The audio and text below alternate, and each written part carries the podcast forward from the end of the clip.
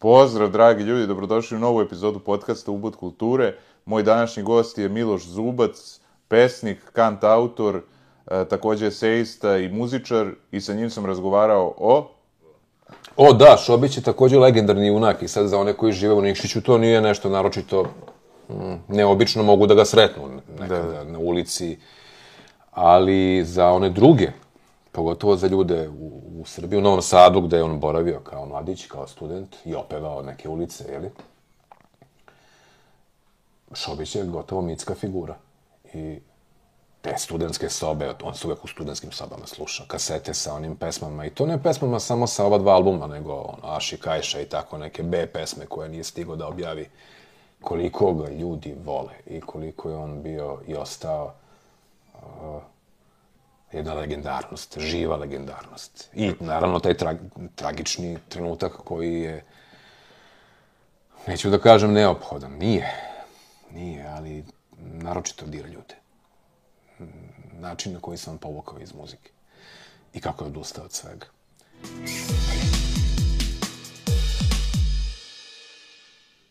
Hteo bih da se zahvalim Manč Melovu zato što podržava i deli iste vrednosti kao i ja i hteo bih da se zahvalim svima koji me podržavaju preko Patreona i Paypala. Linkovi su u opisu. Uživajte.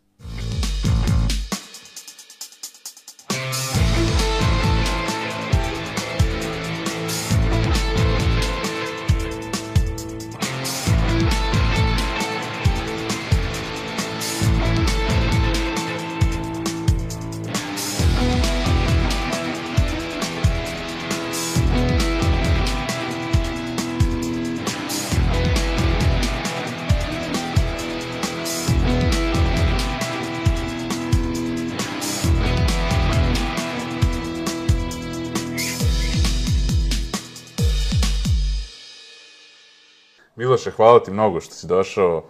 Nije bilo ni lako, koliko sam vidio. Cimo si se žestoko. Bilo je zanimljivo, hvala tebe Bojane na pozivu, ovo je poseban dan, ima tih dana. Linijski taksi kojim sam došao u Beograd se pokvario, ne tako blizu tebe, ali ni tako daleko. I onda sam ja pošao peške iz Nemanjine u Bulevar Oslobođenja, ali to je kao u Rusiji. Pričali smo o tome u Moskvi, recimo, kada ti kažu Puškinova, pa prva desno, pa ti ideš 50 minuta do prve desno. E, toliko je trebalo da nađem tvoj, tvoj prostor. Ali tu sam. Bitno je da si došao.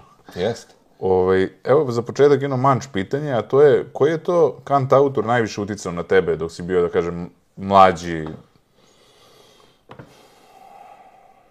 U mladosti mojoj Neil Young. Dobro, ti si još mlad, pa. Kažu ljudi, da, ja volim da se, da se nasmejem e, tome, 47. godina, bit će uskoro 48. ali mene i dalje doživljavaju kao mladog kantautora i mladog pesnika. I to govori o percepciji vremena danas i nekada. U ostalom, u ono vreme u kojem smo mi odrastali, u vremenu komunizma, e, mladi ljudi su zaista starije izgledali, morali su sa tim brkovima i sa tom ozbiljnošću, pa članovi partije, pa na sednice neke stalno i tako dalje. A i pre toga, u ona herojska vremena našeg naroda, početkom stoleća, ljudi koji su bili seljaci, koji su bili privrženi zemlji i teškom radu i oni su starili jako brzo. Tako je. Drugačije je vreme i može se reći da smo i ti i ja mladi.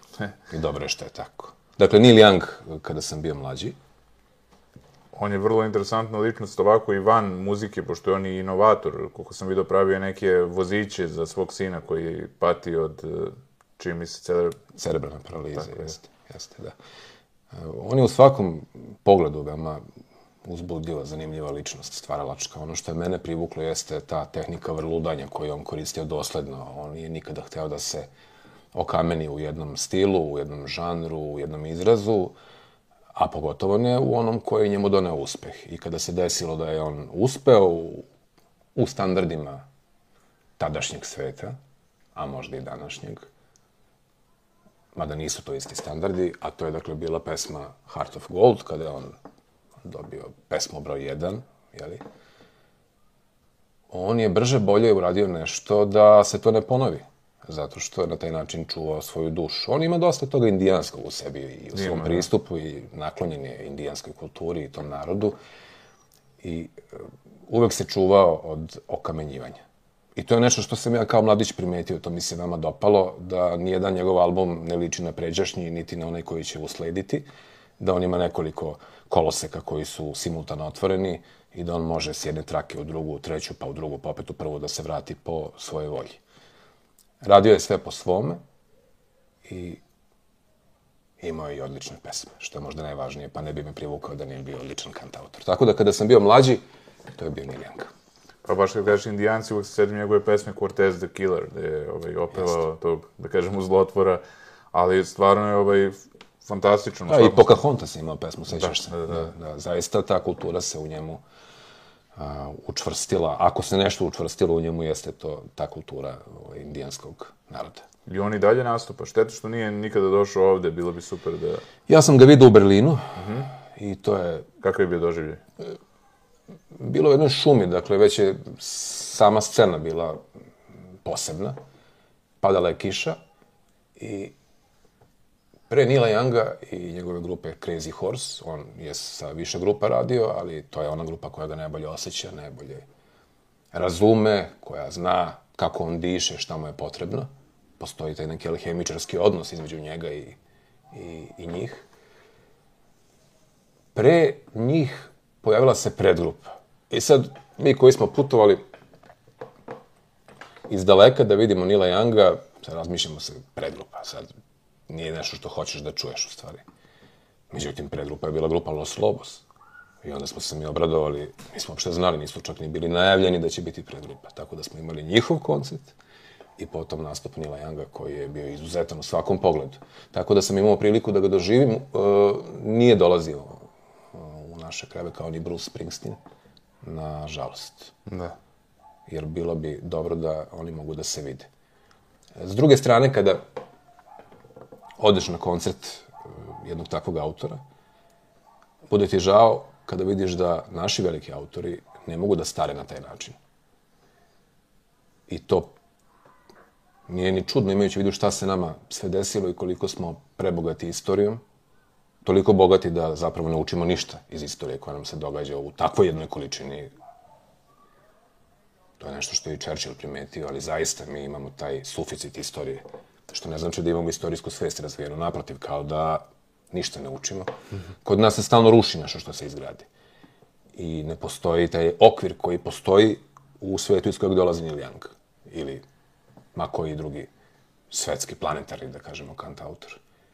I ja ne mogu da ne primetim da naši veliki autori, oni koji su bili veliki 80-ih, pa danas kada ih pogledam, ne mogu da stare tako dostojanstveno i da budu ono što jesu.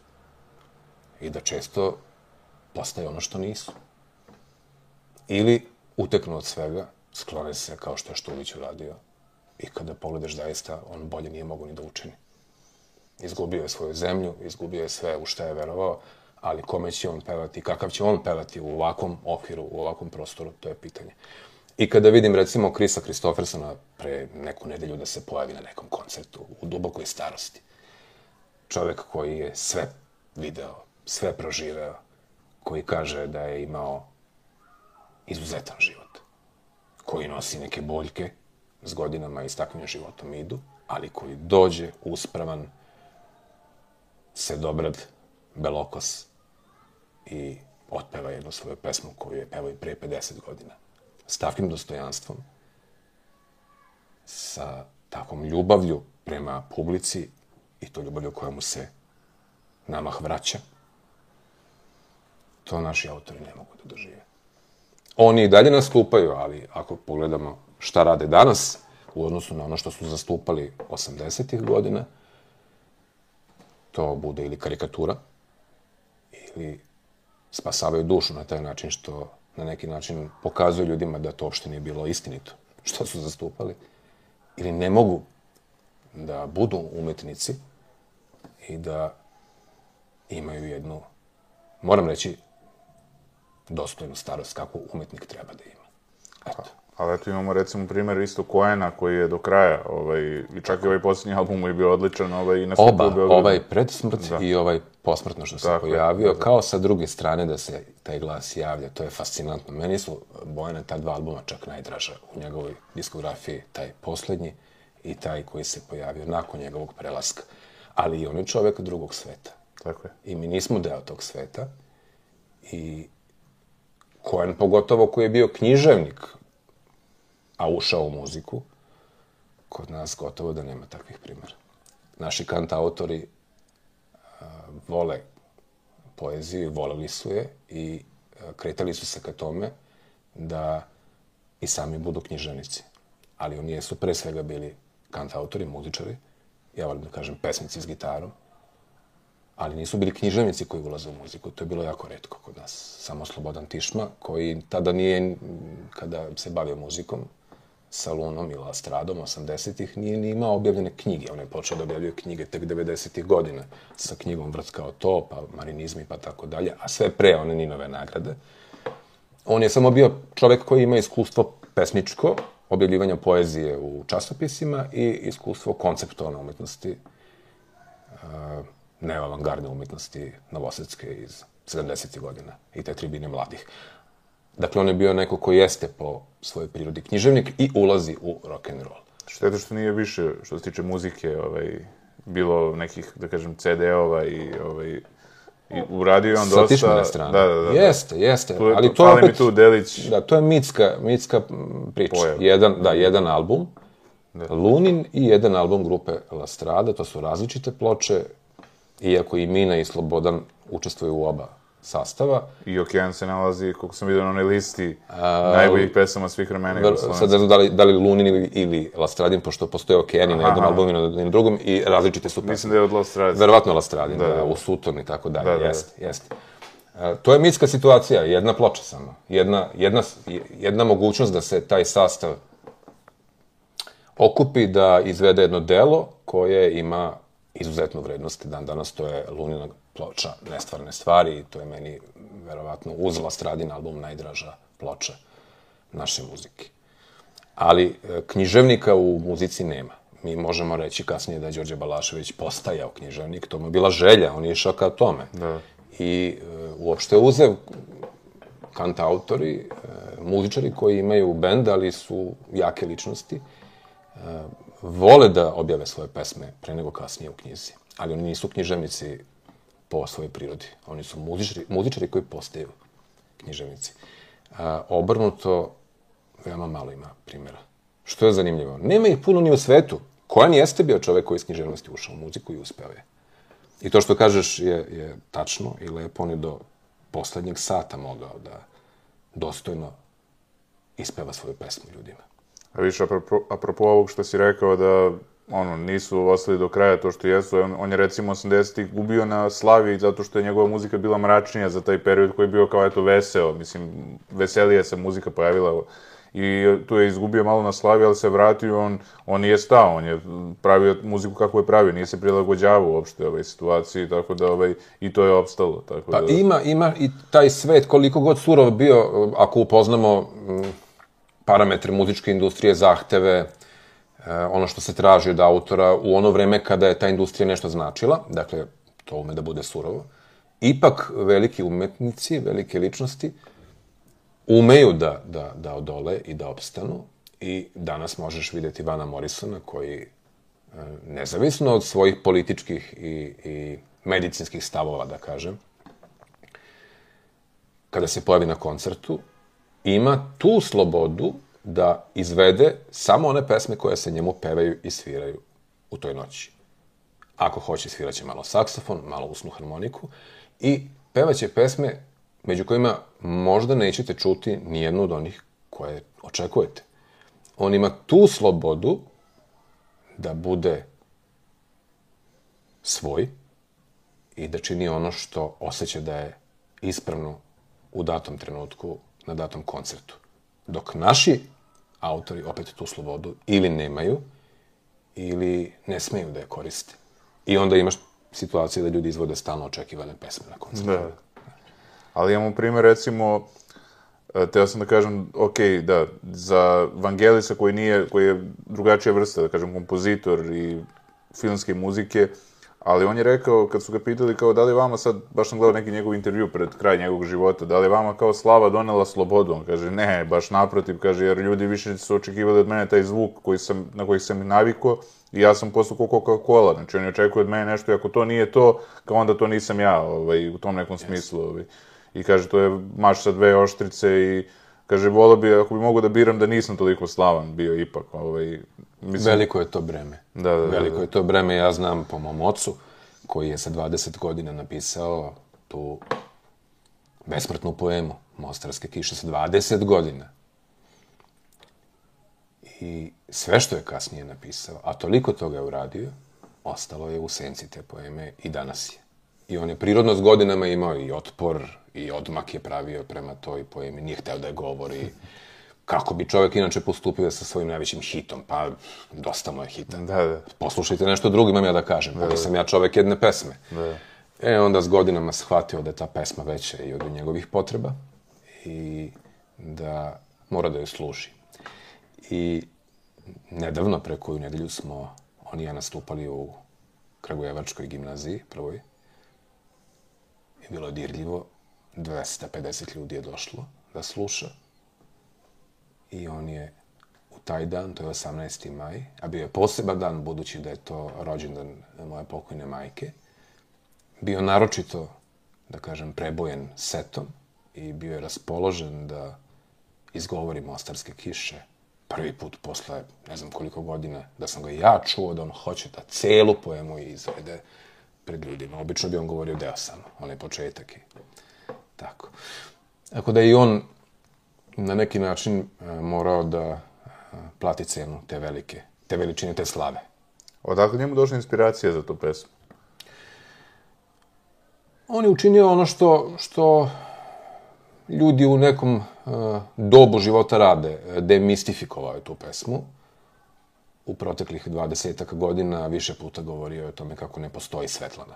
Dakle, ono što su očekivali ljudi, da to jeste jedna ljubav prema jednoj konkretnoj osobi koja se tako zove, to je bilo domišljeno i domaštano, ali su postojale četiri ljubavi.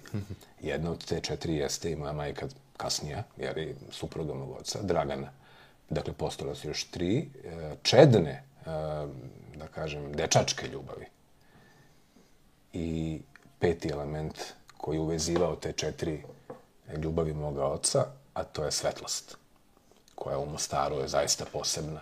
I zato se ta žena zove Svetlana u mostarskim kišama. Ali sve njene rečenice, e, mislim na Svetlanu, na junakinju, jesu autentične. Bi, bilo da je izgovarala moja majka kao mlada ili, ili neka od e, drugih ljubavi moga, moga oca. I od te četiri ljubavi on je stvorio tu jednu idealnu. I u životu stvarno jeste tako. Kada pišete ljubavnu pesmu, često pišete inicirani osjećanjima prema osobi koja jeste u vašem životu, iskustveno, ali na više planova javljaju se i pređašnje ljubavi i nije neobično da se javi neka ljubav koja će doći. Da se sve projavi kroz jedno delo, kroz jednu pesmu. Tako je i moje iskustvo pesničko. Sjajno. A reci mi, ti tvoj otac često nastupate zajedno ili... Sve češće. Sve češće što je, što je divno imajući u vidu njegove godine. On je na današnji dan napunio 78 godina, danas je rođendan. Danas je rođen. Kada ti ja razgovaram, Da. Danas je tri, 30. maj. Ne, jeste. 30. 30. Jeste, jeste. 78. proleće moga oca.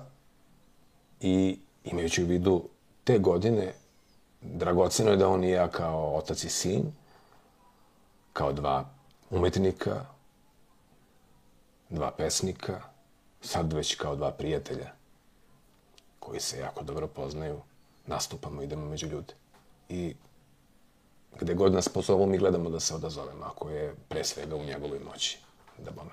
Je li ima više primjera ovako da idete po gimnazijama ili je ovo sad specijalno bilo zato što... Zavisi od domaćina. Budu, budu škole, ali budu i mali javni prostori, biblioteke, čitaone, kulturni centri, galerije. Mesta kulture, a zapravo mesta gde su ljudi koji su željni da njega dožive, da, da se sretnu s jednim bardom, jer Pero je jedan od eh, nekolicine možda trojice pesnika koje možemo zvati bardovima u našem narodu danas. Dakle, uz Rašumovića, koji se najviše stvario kao pesnik za decu ipak, i uz Matiju Bećkovića, to je, to je još Pero. I tu je dobro, Ljuba Simović i postoje, dakle, veliki, velika imena, ali ne puno. Da, da. Ne puno, sve ih je manje i manje i ta herojska vremena ostave za nama polako.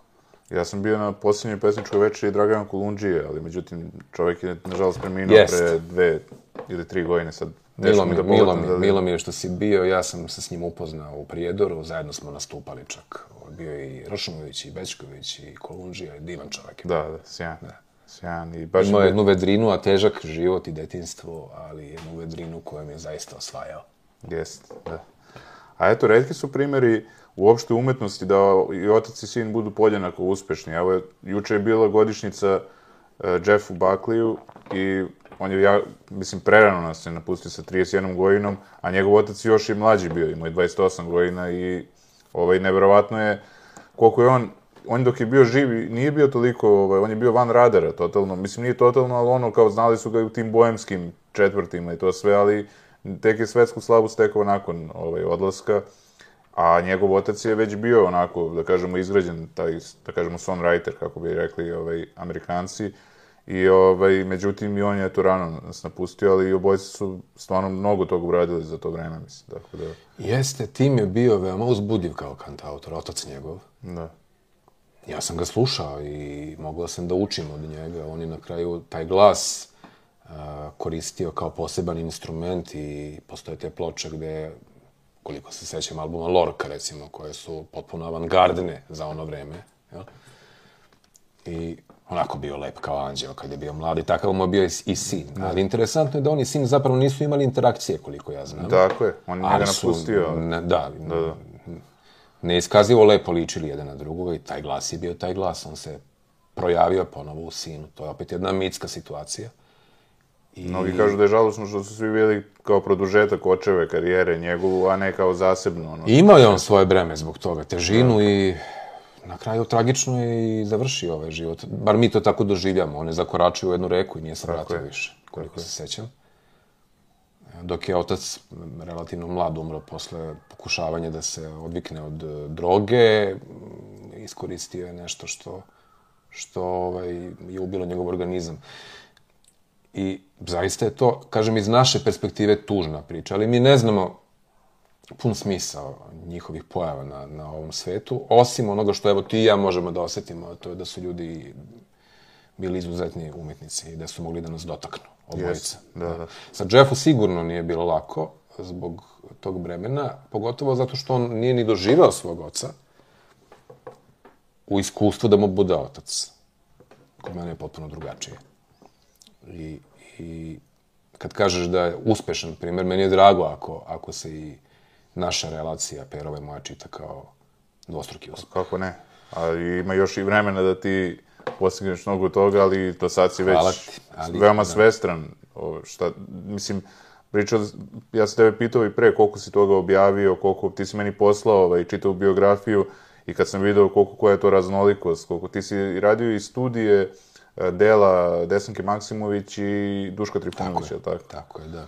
Ja sam hteo da magistriram na a, poeziji Duška Trifunovića, ali, i to je sad jedna zanimljiva tema za nas, moji profesori nisu hteli ni da čuju, dakle, to je bilo pre dosta godina, 2005. 6. I ja sam shvatio da nije vreme za Duška Trifunovića. Zašto nisu hteli da čuju? Pa zato što su smatrali da to nije disertativna tema, tako oni to kažu, taj nesebitljivi akademski svet.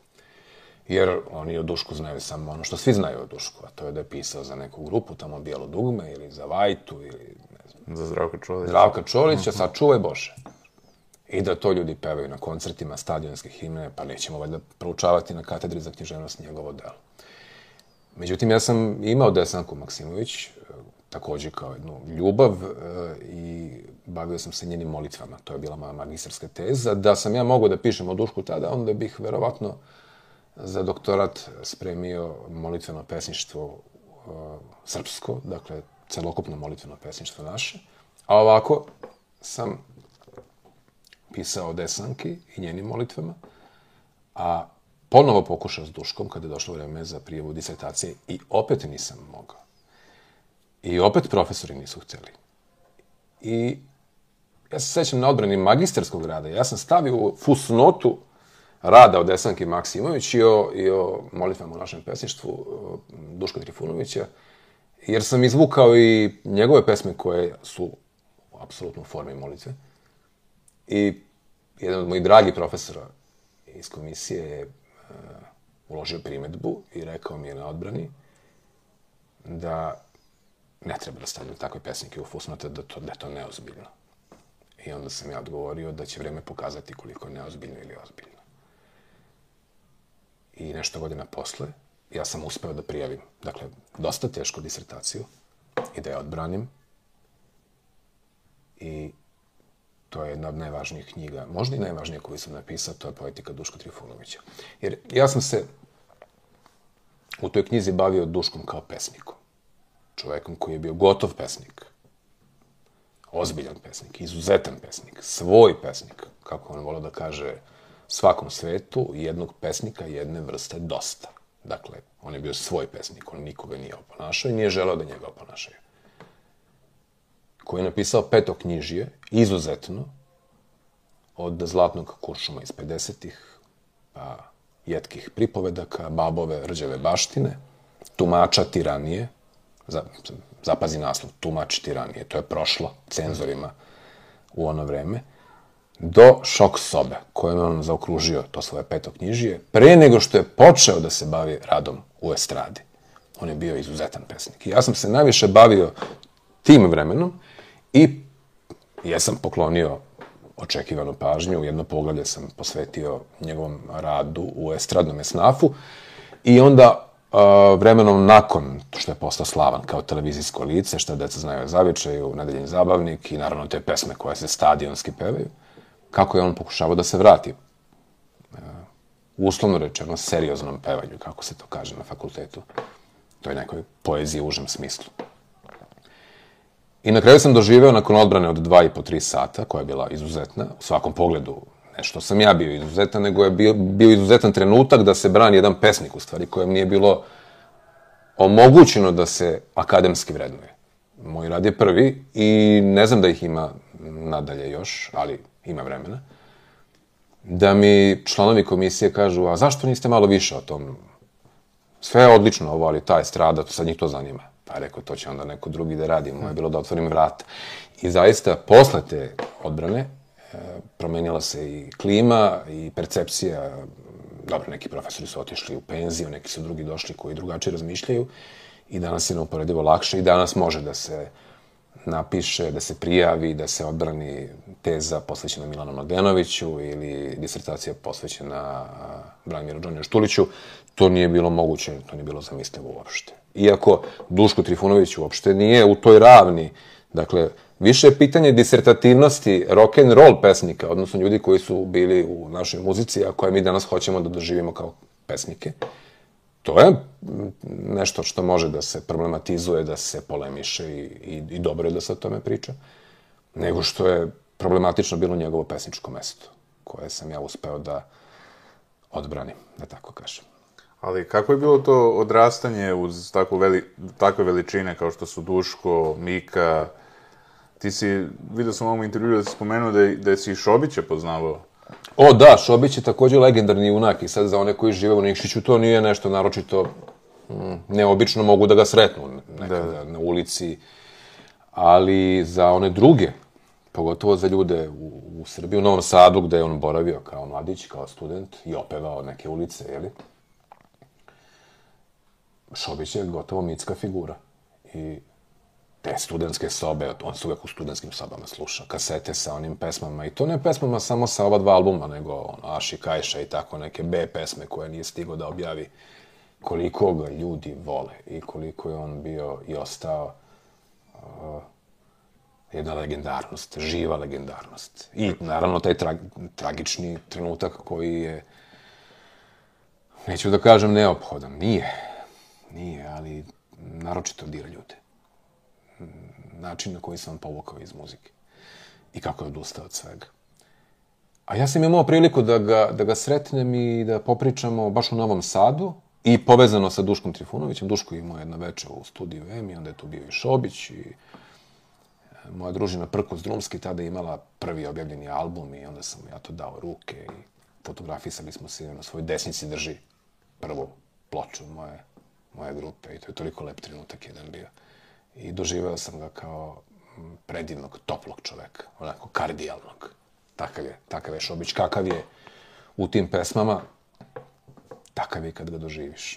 Nema, nema razlike. Až desi se da veliki umetnik uopšte ne bude veliki čovek. Ti, ti znaš, svako pre nego kasnije doživi neko razočaranje ili o, ovaj, prosto mi prirodno hoćemo da smestimo umetnike koje volimo u neki ram koji je naš, kakvi su oni kao ljudi. Mi ne znamo kakvi su oni kao ljudi i često velika umetnost traži žrtvu, ne često, velika umetnost uvek traži žrtvu, ali na žrtvu budu prineti porodica, neke elementarne ljudske osobine koje želimo da vidimo u ljudima, dobrota, čast, poštenje, to ne mora da bude kod velikog umetnika. I ne mora čovek da bude velik umetnik i veliki čovek u isto vreme, a divno je kad jeste. Divno je kad jeste i oni s kojima sam ja odrastao su bili izuzetni ljudi u sve svoje slabosti, da bome izuzetni ljudi i, i to je moja sreća. Ja nisam imao razočaranja, ali sam ja naučio i njihove slabosti vrlo brzo da prepoznajem i da nemam očekivanja od njih. To su sve, to su sve ljudi. E, nas više definišu greške i slabosti nego vrline, čini mi se. I više, više nas to čini ljudima. Imamo slobodu, to nas pre svega čini ljudima, ali ta sloboda podrazumeva da ćemo i nešto loše učiniti. A recimo što se tiče Šobića, on je napustio muziku zbog e, prerane smrti sestre. Kažu, da. Da, kažu e, da je tako, ali ne znaju ljudi da on hteo da se vrati muzici. I mm -hmm. ako popričate sa... Uh, ako recimo razgovaraš sa Anđelkom Maletićem, Čupkom, uh, divnom ljudskom uh, riznicom znanja. Uh, radio je na Novom, radio Novom Sadu kao novinar dugo. Uh, on će vam reći da je Šobić malo, malo pokušavao da se vrati. Pošto su oni bili u bliskom kontaktu i sad jesu i kad bi Šobić dolazio u Novi Sad, onako inkognito on dođe kod Anđelka u goste i onda mu on svira neke svoje pesme koje je namenio trećem albumu. I, I to je pokušavao da radi. I uvek mu govorio, e sad ovo bi trebalo snimiti. Dakle, on nije zaista bio odustao. On je pokušavao i najavljivo da će se vratiti, nikada to nije uradio. U tom smislu, i to je tragično. Eto, on iz drugih razloga, ali isto kao Johnny, samo eto, nesu sa scene i ali postao zauvek ono... Da, oni su drugačiji, oni su drugačiji tip. Iz različitih razloga. Umetnika, da, da.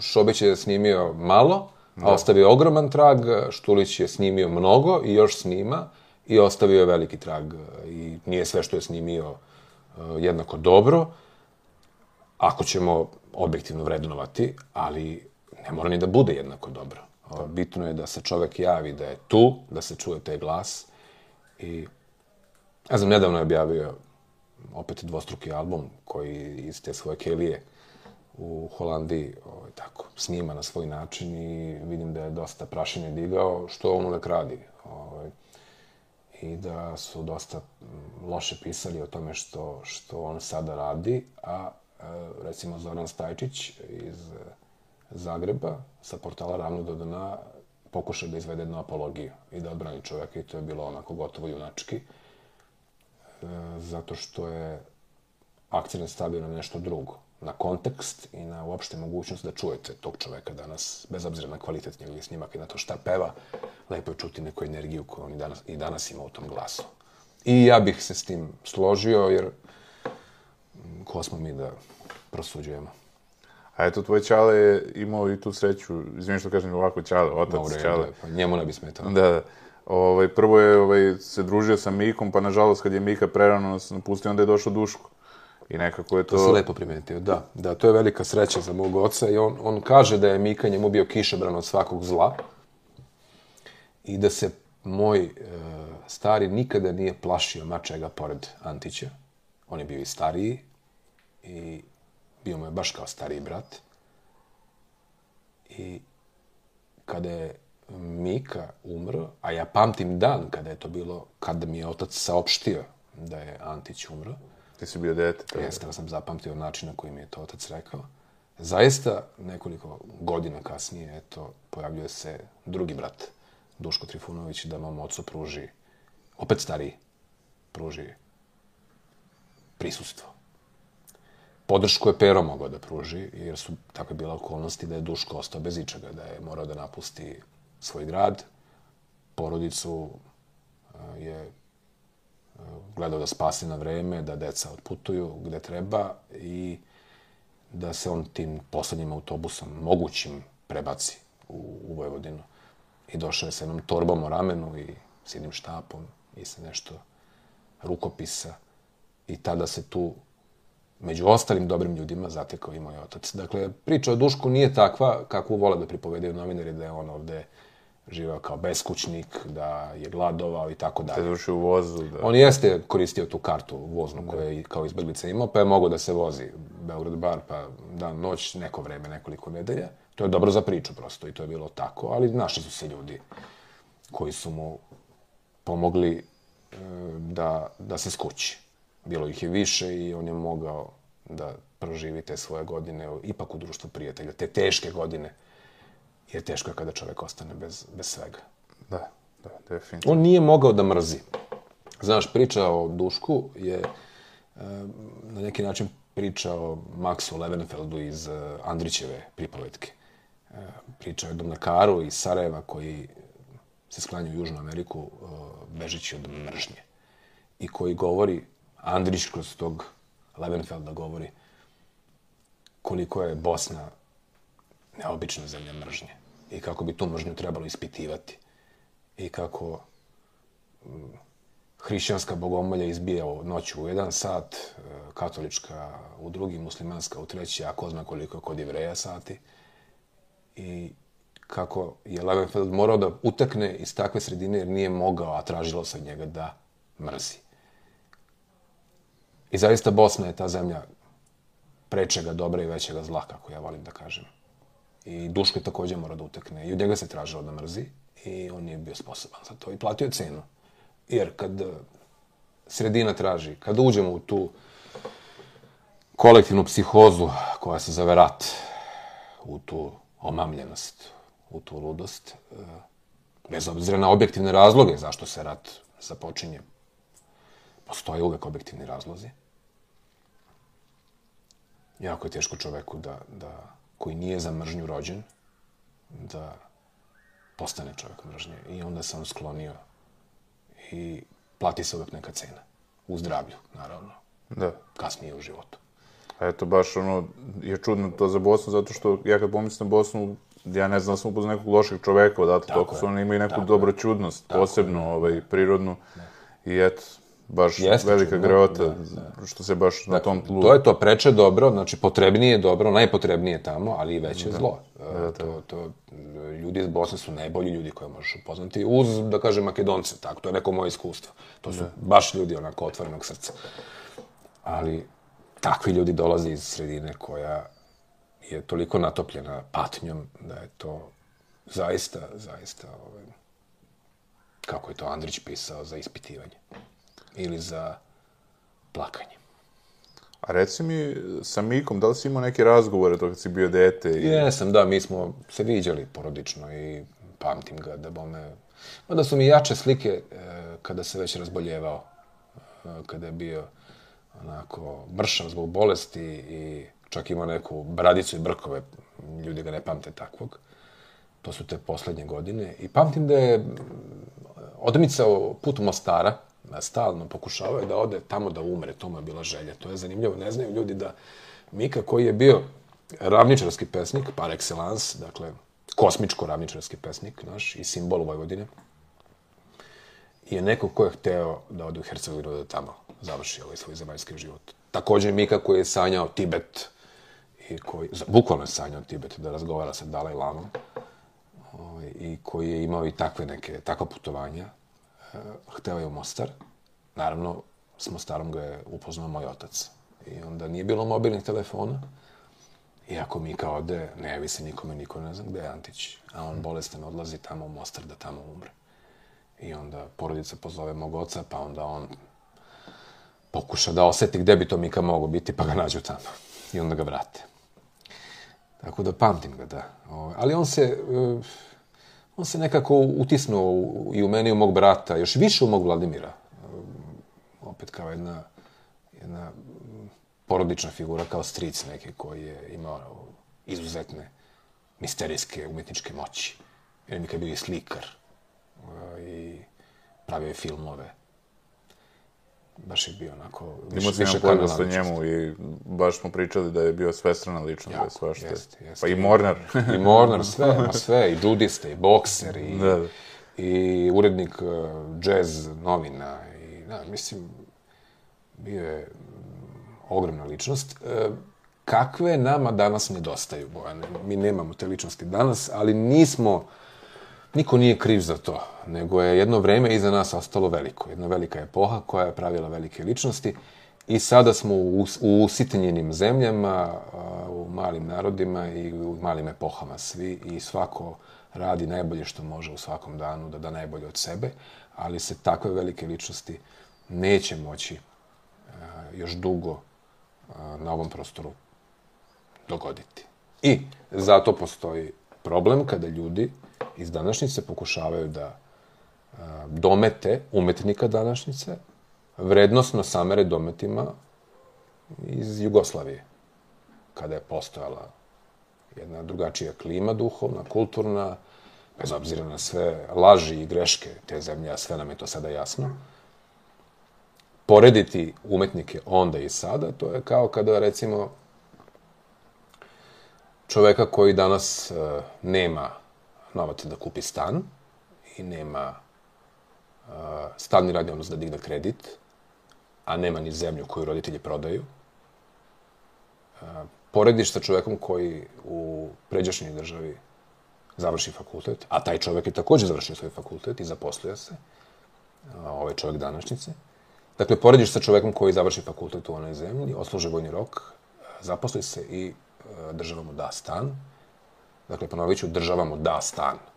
E, porediti čoveka koji danas nema to da uradi sam od svojih ruku, od svoje plate, sa čovekom koji je to dobio, e, to je kao kad porediš umetnika današnjice sa nekim čovekom kome je bilo omogućeno da od svog talenta stvori nešto veliko i značajno. Jer postoje sistem, posta, postoje sistem koji podrži, prepozna, podrži i omogući da se jedna veličina dara ispolji, a takav sistem danas uopšte ne postoji. I zato smo u potpuno drugačijim vremenima. I zato se nama veliki umetnici, ne samo pesnici koje, koje ovaj, ti sad pominješ, a koji su deo našeg detinstva, nego kant autori, recimo, e, čine kao mm, nedodirljive mitske ličnosti. Primjerice, Đorđe Balašević, on stvarno jeste bio takav, on je bio veličanstven, on je bio najbolji. Ali on se danas ne bi mogao desiti nikada, niti bi ga ovo vreme prepoznalo. Tako da on bio pravi čovjek u pravom vremenu, dok postoje da bome i pogrešni ljudi u pravom vremenu i pravi ljudi u pogrešnim vremenima, mada nijedno vreme nije pogrešno. Mislim, sve ima svoj razlog. Ja znam za recimo primjer za stranog muzičara Nick Drake, on je isto rano nas napustio, Jeste. a... I niko et, nije znao za njega. Da, eto, da. recimo on je bio, ovo što si rekao, primjer. Jeste.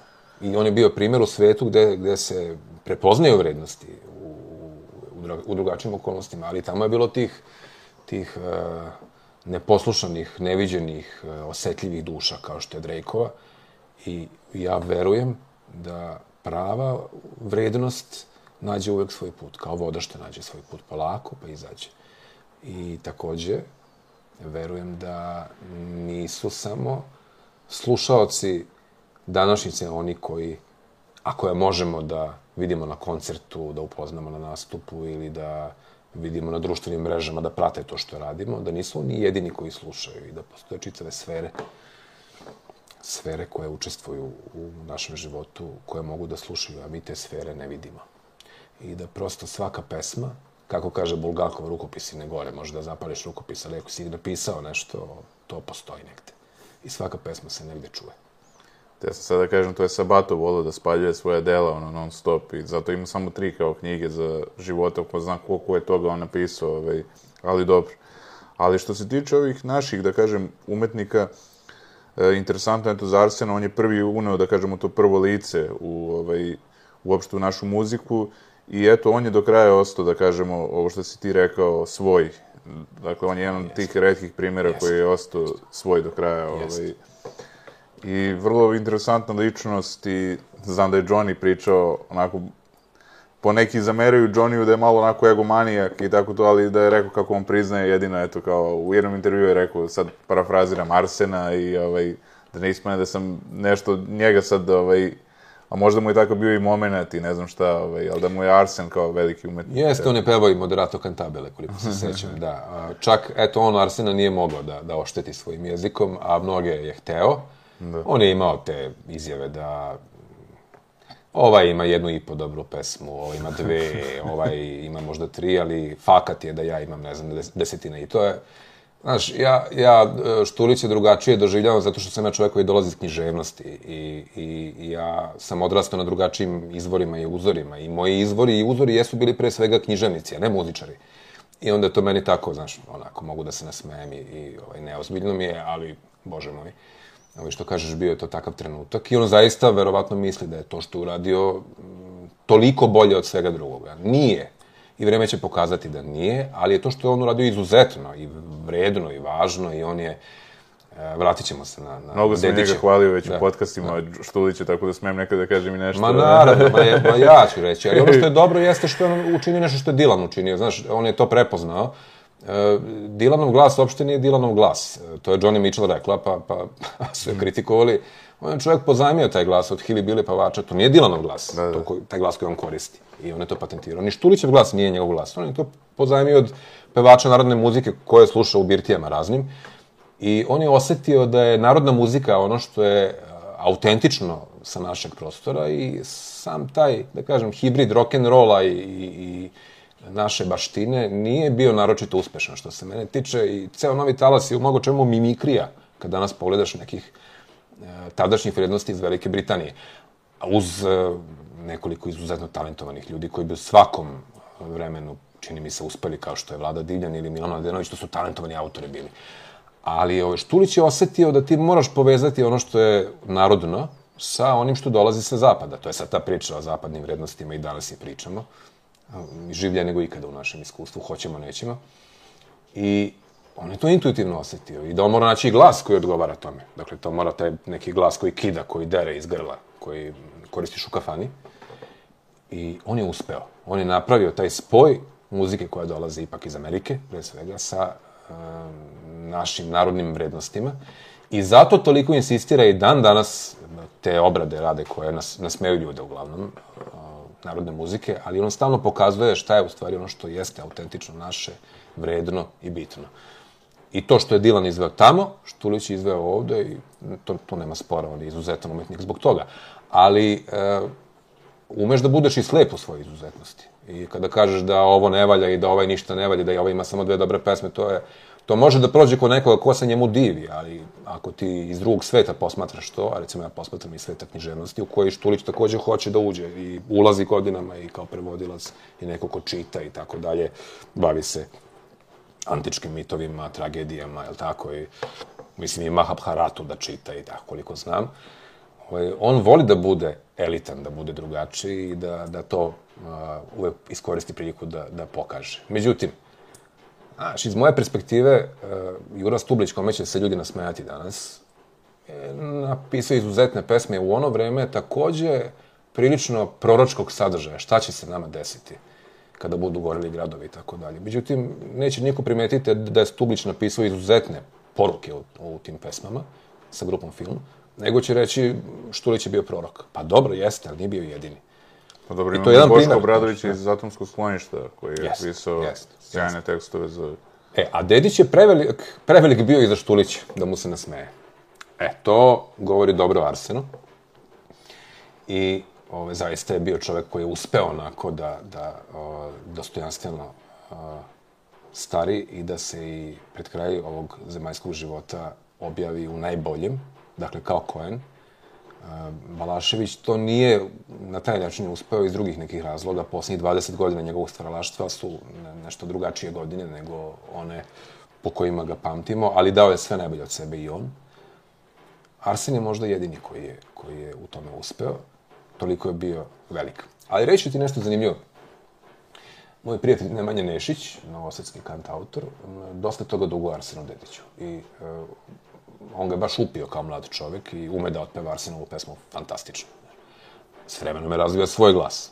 Kad hoće, može da peva kao Arsen, ali nešto je ostalo od tog Arsenovog pevanja u Nešićevom glasu i to je divno. Kao kad čuješ Toma Petija, ti čuješ Dilana. Da, da. Ali to nije Dilan, to je Dilan koji je uzeo Hilibili glas i to je sve zanimljivo sad, kako, da. se, kako utice idu. Ili, mala digresija, moja Milena, starija čerka, pravi neku prezentaciju o Davidu Boviju i zajedno malo pričamo o tome i kažem, e sad da ti pustim čoveka od koga je Bovi učio, da čuješ taj glas, pa pustim Scotta Walkera, pogotovo onaj album 4. Mislim, fantastičan album. O, je, pa čak i liči, pa rekao jeste, Scott Walker, on rolka, kosa žuta i tako, lep momak, jako peva, fantastično, samo što ima malo dublju boju, ali vidiš da mladi Bovi podražava Scotta Walkera i uzima dosta njegovog glasa. I od njegovog pristupa umetnosti, na kraju Walker je bio čak mnogo radikalniji nego Bovi u, u, u nekim aspektima kao umetnik. A onda, od, e, sad ćemo da pustimo Davida Silvijana, koji dolazi kasnije, jeli, da, da čujemo kako je on od Davida Bovija nešto uzeo. I onda moje dete uči o tim uticama. E, sad da se vratim na Nemanju Nešića i na Arsena Dedića. Pošto moja deca poznaju i vole jako Nemanju i slušaju njegove pesme i tako, na spavanje idu s njegovim pesmama. Jednom sam ja pustio uh, CD sa ranim radovima Arsena Dedića. To je Kroacija nedavno objavila, dvostruki disk. I sad moja mlađa čerka May, koja nikad nije slušala Arsena Dedića, ali nepogrešivo prepozna Nemanju Nešića, pita, a je li, a što ovaj čovek ovaj peva ko Nemanja? I onda se ja nasmejem i kažem, obrnuto je, u stvari Nemanja peva tako da te podsjeća na ovog čoveka, ali ti to ne znaš. I to je najlepše umetnosti. Ko bude slušao Nemanju Nešića, a ne bude slušao Arsena, pa čuće i Arsena. To je, mislim, jako lepo kad kad, je, kad to dobro zvuči, kako bi rekao, ali ima dosta loših pokušaja i nekih kopija gde ovaj, yes, ispadne...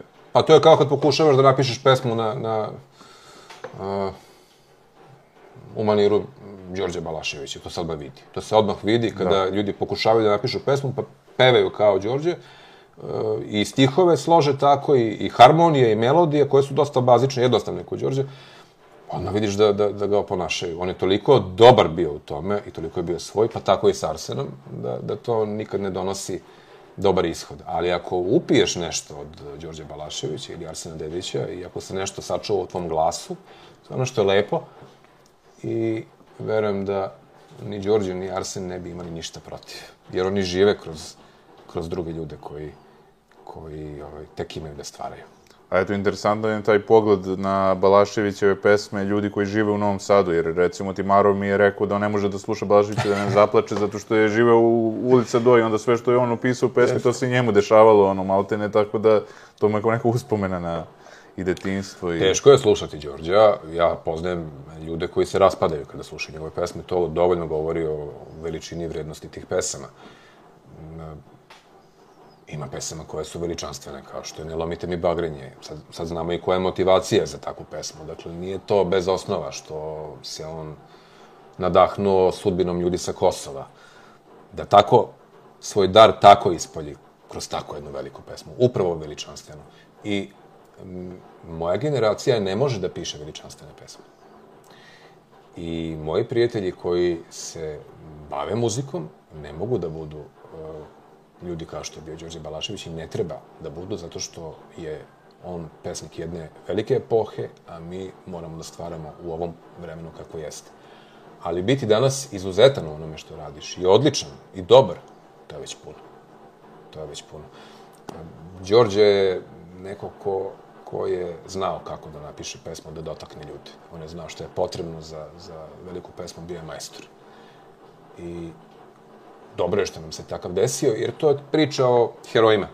Imamo neke heroje u ciklusu, kao što imamo neke antičke heroje, imamo nekog Homera, pa onda dolaze tragediografi, mi znamo trojicu, bar možemo da čitamo, jeli, Eshila, Sofokla, Euripida, ali ima i neki Agaton koji se pominje kod, kod Platona koji je možda bio bolji, a ne znamo, ništa nije sačuvano njegovo. Da. A znamo da ih ima, 80-ak ih je bilo.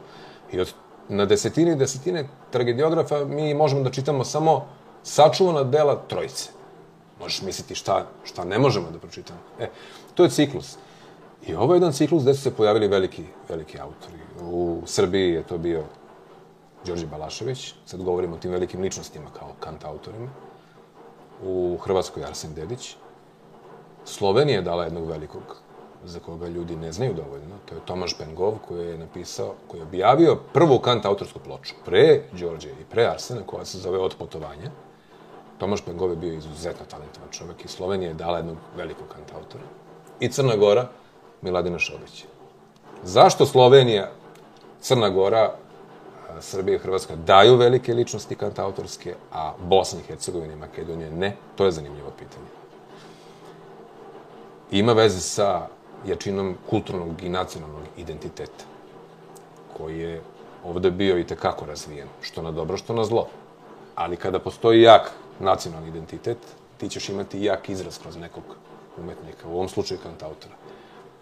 S Makedonijom stvari drugačije stoje. Tamo su najbolji ljudi, kao i u Bosni, ali pitanje njihovog identiteta je bolno. Oni ne mogu da nazovu ni svoju zemlju kako oni hoće, nego kako im se naredi.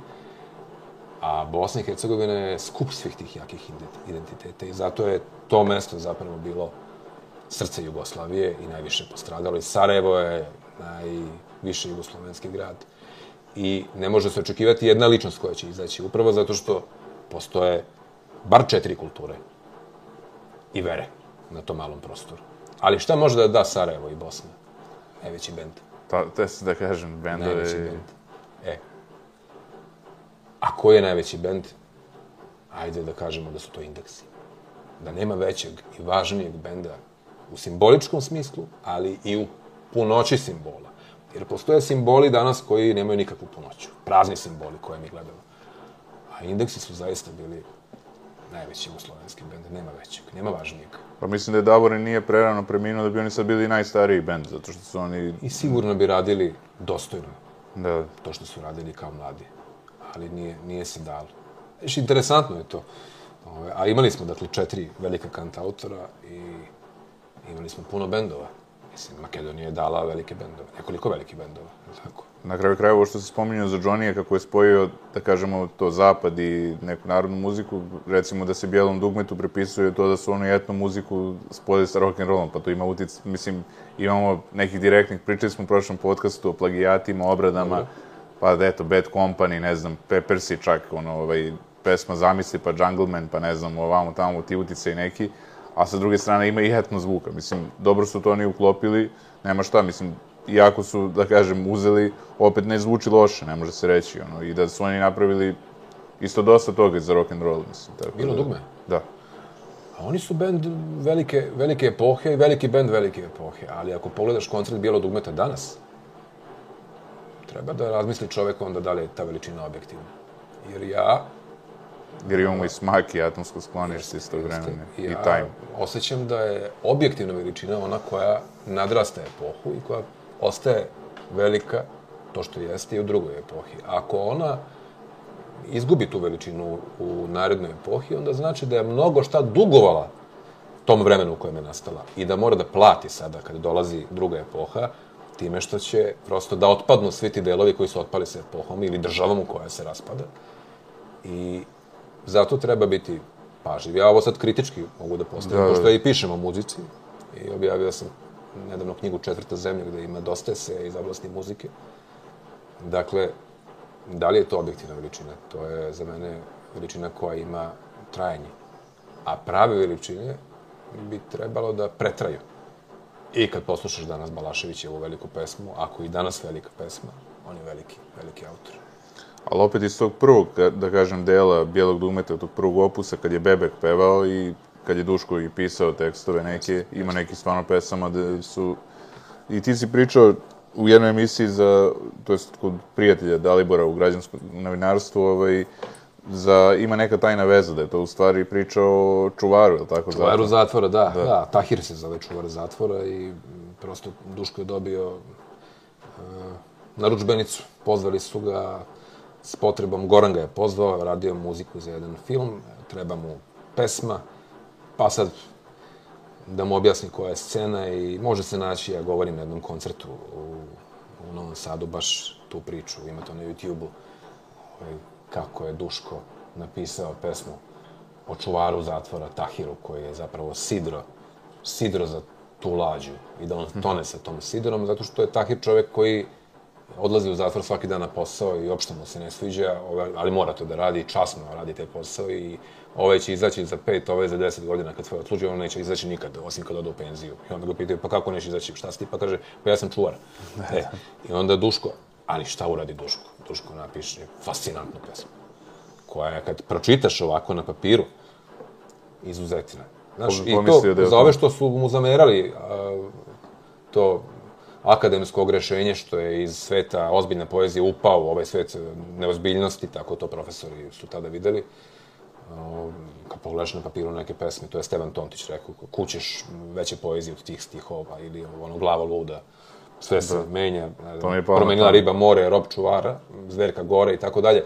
Kaže, to je velika poezija. I Duško je to umeo. Stvarno, tajna veza je izuzetna pesma i kada je pročitaš. Da. I čak i Jadranka Stojaković je otpevala verziju koja daje drugu konotaciju. Ona je to pre dugmeta uradila, iako je Goran to komponovao, a to je ljubavna konotacija i onda su ljudi doživjeli to kao, kao ljubavnu pesmu. Jadranka je bila interesantna ličnost. Jeste, kao naša kanta autorka i, i opet tragična zbog načina na koji, na koji je proživjela svoje poslednje godine, ali prosto ti ljudi koji su bili pravi simboli e, nekadašnje zemlje e, imali su i, i da podele tragediju te zemlje sa ljudima i da, i da, i da lično dožive udese, pa, pa tako i Jadranka. Ona je u Japanu napravila jedan, jedan lep život e, vratila se zbog onih zemljotresa koji su se tamo desili, zato što prosto ono nije htela da, da, da, da strah je to koji. Ona je sama pričala o tome, mislim. Ali se gde vratila? U Bosnu gde nisu mogli da je reše ono, status da, da.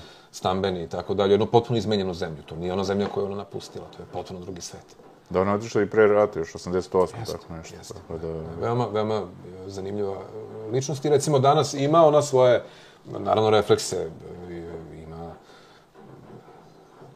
postoje kanta autorke koje mogu da se vežu za Jadranku, Nina Romić iz Zagreba, moja prijateljica i Isidora Milivojević iz Kotora, takođe moja, moja prijateljica. Obe duguju nešto Jadranki i to se može čuti u njihovim glasovima. Pa htio sam da pitam baš to je bilo sledeće pitanje, zašto ne, nije u to, to vreme bilo toliko kant autorki kao kant autora? Da li to možda, možda nisu bile neke žene ni priznate, jer kao eto muškarci, pa kao to njima pripada, ili je to jednostavno, postoji neki razlog određeni, ne znam, Da, da, da, ne, nemam odgovor. na interesantno, pitanje. mislim. Pitanje jeste zanimljivo i nemam odgovor. da, tim pre one koje su mogle da se, da se ostvare, one su izuzetno važne. Pa Johnny Mitchell smo pomenuli, u Americi ih je bilo više, ipak Da, da, da. kantautorki, kod nas, kod nas pravih profilisanih, zaista, zaista, ovaj, osim Jadranke Stojaković, da, da znam da je pisala i svoje pesme i pevala poeziju, Bila je Ljilja Petrović kod nas u Novom Sadu, ali to je na drugom nivou je ona to radila. Ona pevala Da. neke Antićeve stihove i tako.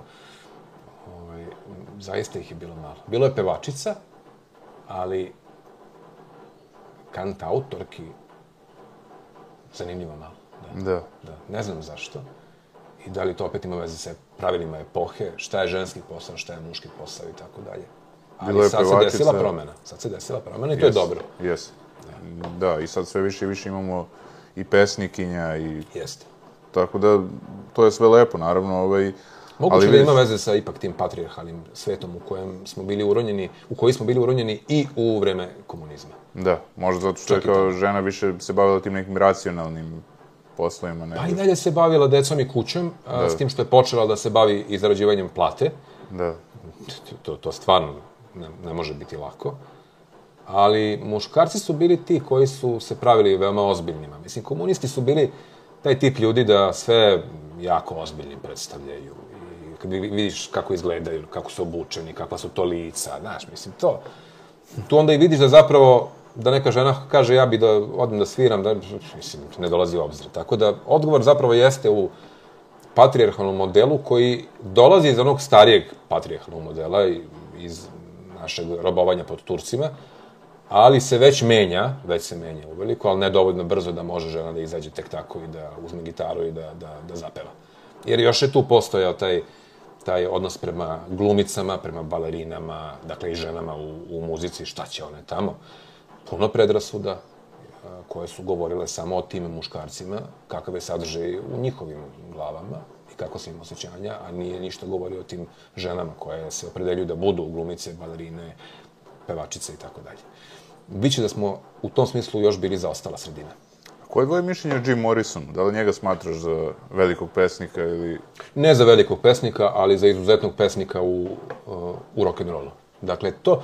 A zašto ne za velikog pesnika? Sad, to je ono pitanje aršina. E, mi ne smemo, a ja ovo govorim kao čovek koji, koji dolazi opet, dakle, iz tog akademskog sveta, e, mi ne smemo meriti e, aršinom elitne književnosti i umetnosti, istim tim aršinom dela ljudi koji su u popularnoj kulturi. Mi to ne možemo da radimo. Zato što, do, dobar je taj primjer, dobar je što si pomenuo Morrisona. Ako pogledaš, iščitaš ono što je napisao Jim Morrison i iščitaš njegovog, recimo, prethodnika, preteču Williama Blake. Tu ne može da se meri na...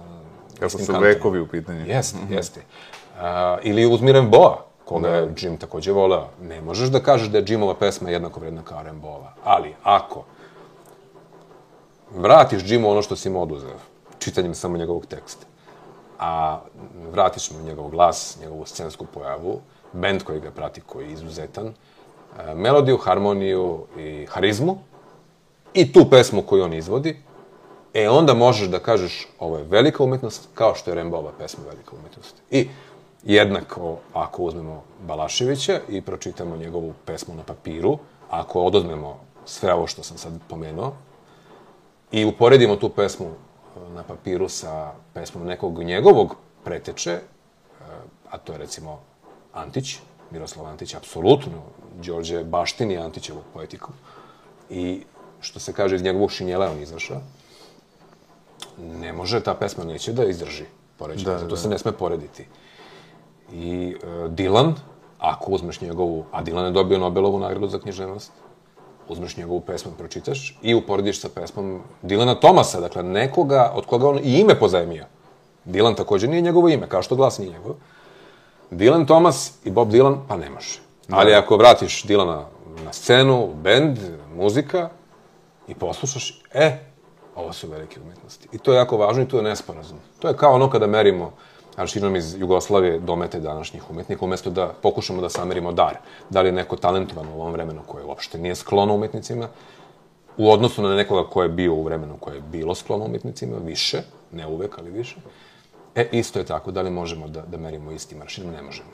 I tu se, tu se, da kažem, pravi greška. Tako da Morrison je velik e, pesnik među, među muzičarima e, i ja sam ga kao srednjoškolac zaista slušao i voleo i još ga volim.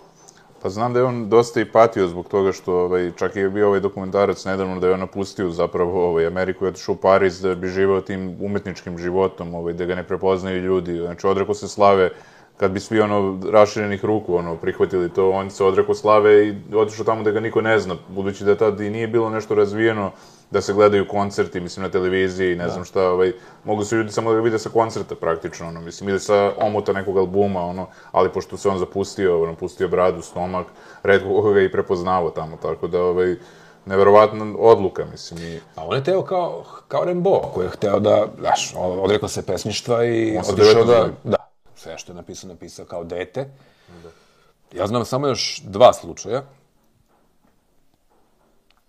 Mm, Hugo von Hofmannsthal je pisao kao mlad i tako dobro. I treći je onaj za koji gotovo niko ne zna, a to je Milivoj Miće Dražetin, pesnik iz Novog Sada, e, koji je e,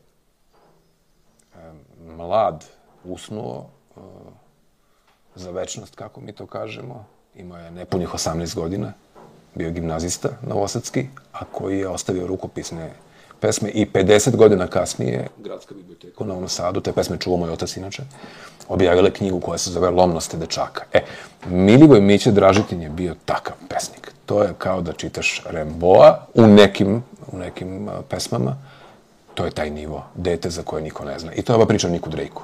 E, za Nika Drejka se saznalo, a evo, mi, mi gledamo, Pero i ja, da se za Miću sazna za, za njegov talent, ovaj, jer, jer zaista je bio veliki. A Morrison je hteo da na neki način oponaša sudbinu Rembovu, da se svega toga odrekne i onda znaš da je Rembo otišao do krijumčari, da putuje, Da, upoznaje u istok i tako. Da, da. Da, da. Tako da imao je, to, imao je taj priziv uh, Morrison i on je uvek išao ka tome da bude uh, shvaćen kao književnik. To je hteo. Jer prosto postoje ljudi koji uđu u, u muziku i koji to rade jako dobro i, i odmah, odmah shvate koje su, koje, koje su zakonitosti tog sveta, ali hoće nešto više, nešto drugo. I često oni koji su pesnički nadareni prirodno, hoće da se kreću ka tome da budu književnici. Pa skoro je Caci pričao isto o jednom novosadskom pesniku koji je sa 15 godina napisao, ne mogu da se setim imena i prezimena, sad trenutno ovaj, zablokirao sam da je po... Dobro, ali to mi je zanimljivo, On je da. inače pisao, nije samo stao na tome, tako da nije, ne ide uz ove primere, ovaj, nego je napisao nešto s 15 godina, neverovatno, pa... Ovaj, ali, eto, čudno je i ti ljudi koji su završili svoje živote, da kažem, u 27. godini, dobro, ajde, tim je u 28. ali imamo čitav niz tih umetnika sa 27 godina što su završili svoje živote i koliko su oni izgledali u stvari i fizički stariji, ono, meni je neverovatno da je Jim Morrison imao 27, ali kada ga pogledam, pa ne znam, Kurt Cobain, 27 godina, mislim, sad mogu da imaju i 37, ono, kada ih pogledaš, mislim, ono, tako da, ovaj, oni su izgledali starije i nekako su bili zreliji izgleda, čim su mogli da postignu to u tim godinama. A način života, oni su Da, se da, puno da. trošili. Da, da. Oni su se svi trošili puno, a ne mogu svi kao Keith Richards da nas nadžive sve. Da, da, da. da. A opet sa druge strane i Floyd i opet, ovaj, oni su svoj najveći album napisali pre 30. rođena, mislim, tako da ono, oni su napisali sa 27-8 godina isto. A šta su Beatlesi uradili? Pa prosto to je... Za to 9 je, godina postojanja. To je, da kažem, a, duh vremena. Da, I da, u velikom vremenu ti možeš da napraviš veliko delo. Ovo vreme nije veliko, ali mi možemo da budemo što, što bolji u tome što radimo i u životu koji živimo i ovo je vredan život jako i tim, tim je teže čak, zato što ne možeš ništa veliko učiniti. Mislim da je sada, a to je patrijarh Pavle rekao, naj, naj, najteže možda sad, a to se traži od nas, biti običan. Biti običan. Znaš, sad došlo je do, do poplave ovih avatara, ovih, ovih profila, svako ima po nekoliko svojih profila koje neguje, proslavlja sebe na društvenim mrežama svaki dan, svaku noć. Takvo je vreme. Ti ne možeš realno ni, ni prepoznati veličinu, zato što se svi bavimo slavljanjem sebe.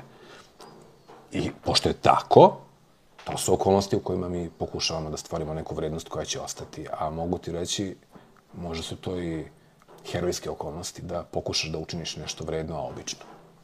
Pričao sam baš sa prijateljem i on mi kaže sad je hiperprodukcija, naš, kao i sad napraviš i nešto sjajno, ono opet kao da li će to ostati upamćeno. Ja sam mu rekao da ipak mislim da s vremenom kad prođe sve, ono, da ipak to ostane, ono, da ono, izdvoji se to iz mase, ali ne može sad trenutno, što ti si rekao, teško da sad u ovom trenutku u tolikoj količini, ono, da će sad neko odmah primetiti to, ovaj, mora da se rovari, da se kopa, da bi se došlo do toga, tako da, ovaj, i onda kad kažu ljudi kao, ne znam, nekad smo imali ove umetnike, a sad imamo ove, ali oni spominju starlete i spominju, znači oni ne, ne prate svet uopšte umetnosti, ne izvlače neke prave primere, nego oni izvlače neke ljude koji su izdali knjige, samo su izdali knjige, znači nisu umetnici, ovaj, ali prosto ima i u ovom vremenu sigurno, i ja sam upoznao dosta sad i mladih ljudi ovaj, kroz podcaste, a i ovako kad sam išao neke večeri, gde stvarno ima mnogo talenta, ali to tek treba da dođe do izražaja. Pa sad ja se nadam da će biti ovaj, evo što si ti rekao, da li će ovo vreme moći da iznedri, vidjet ćemo, ovaj, možda će to i vreme pokazati, ne znam. Tako da, ovaj, Hoće, hoće svakako će da- vreme pokazati šta je, šta je bilo, ne dobro, nego šta je moglo da pretraje. Da, da, da ostane dobro. Mnogo što je dobro danas, ali ono što će ostati dobro u, nekoj, u nekom narednom vremenu, to neće biti ni moje ni tvoje da, da sagledamo, ali će naša deca možda moći da vide. Ali mnogo ljudi, evo, to što ti kažeš, trude se nekako, eto, i to fotografisanje svakodnevno, ono, mislim, svaki dan neki selfie, nešto, ono, kao da, ne znam, možda je to potreba da sačuvaju sebe, ja to pretpostavljam kao da, ono, da imaju neku uspomenu na sebe kad, kad su bili mladi ili kako to već, da pokazuju svojim unucima, prijateljem, nemam pojma, da li je to ono, možda oni nemaju taj žar za stvaranjem ili ne znam šta, možda je njima stvaranje to što su se fotografisali, ne znam, Pa jeste, oni stvaraju sebe svaki dan. Da. I kroz sebe ostvaruju sebe svaki dan, ali ima to sve svoje posledice i tamnu stranu. Jeste, ali kad to radi, da kažem, milijardu ljudi, onda to pomalo izgubi smisao, jer onda treba nešto možda drugo, što kaže prijatelj, pa dobro, u prirodi si, ali zašto fotografišeš na svakoj slici sebe? Zašto malo neki, ono, tu daždenjak, nešto, mislim, ono, potok, e, duga, otkud znam, ono, na, napravi neku umetničku fotografiju kad si već tu, ono, nemoj samo na svaku, zašto moraš na svaku da budeš i ti, ono, fotograf. Tako da to je Pa više zato ono što kao... smo mi sami sebi ipak najuzbudljiviji i najzanimljiviji. Da, da, da, da. To je čovek. To je, to je čovek. Nisu svi takvi da bom ima ljudi Naravno. koji su spremni da odlože telefon kada odu u prirodu i koji znaju šta je vrednost odloženog telefona i isključenja, isključenja sa mreže. I prosto ja tako i, i decu usmeravam da znaju šta je vrednost vremena bez telefona i bez, bez tehnike, bez televizije, da, da nauče da budu sami sa sobom, bez impulsa, jer to je teško, a to je potrebno zbog straha. Čovjek iz straha beži u sve ove nadražaje. Pa Pa i Mora da- nešto stalno da ga stimuliše, jer ako ostane bez tih stimulansa, on se zabrine šta ostaje, pa gde, ko sam ja. Tišina, pa Da, tišina je strašna. što je indijancima mnogo značilo, ali Da, očigledno da, da, da, sada... mi tek ćemo doći na njihovo. Mi smo, da kažem mi, mislim, belačka civilizacija njih uništila i tek će doći, doći na to šta je uništila i koga je uništila. I to je tužno što je tako, ali tako jeste. Duško Trifunović je imao definiciju homo panicus i njegov junak je završio kao homo panicus u šok sobi, ta posljednja knjiga, mislim iz 72. A, posljednja knjiga pre nego što je počeo da piše za, za estradu, je govorila o tome kako je čovjek homo panicus, onaj koji na kraju završi u ćorsokaku i poludi, jer prosto ovaj, ništa nema smisla. I zaista smo mi ljudi koji se plaše i strah u mnogome određuje naše postupke i naše živote.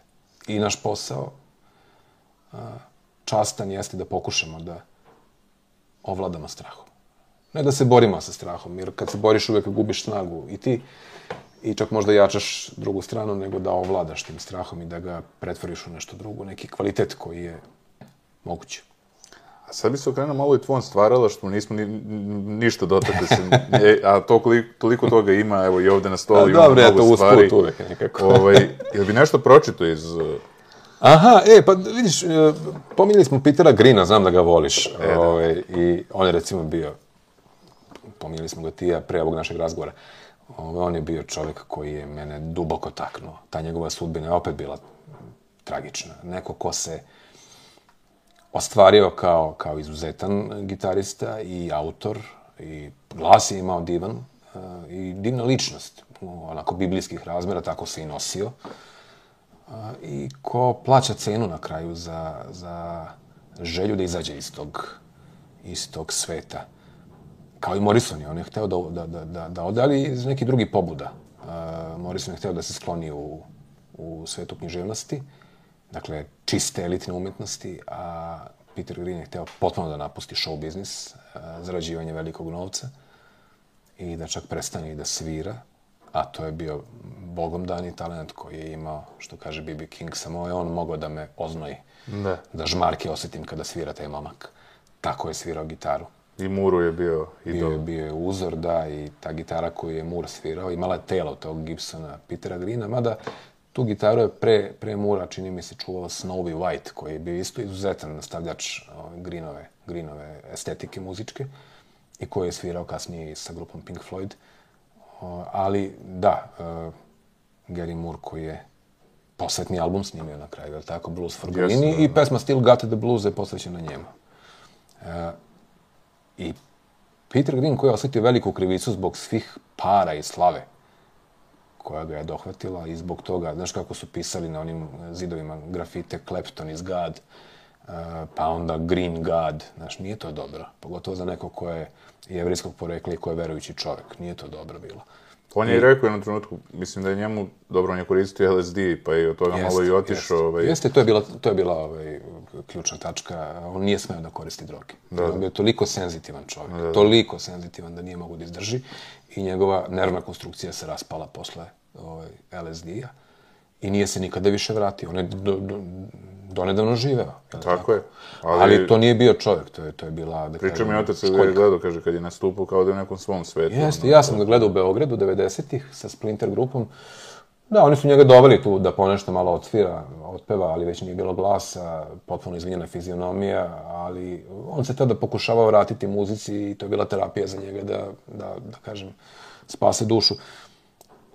U stvari, to je, to je ono što je duboko povređujuće. Čovek takvog talenta, takve lepote, takvih mogućnosti, takvih pesama koji zbog želje da se odrekne svega, plaća tako veliku cenu. Ali problem jeste bio u drogama koje je koristio. Da ih nije koristio, on bi našao put i našao način. Tako da on je primer da to ne treba nikako raditi i da moraš naći prirodni put da se integrišeš kao čovjek.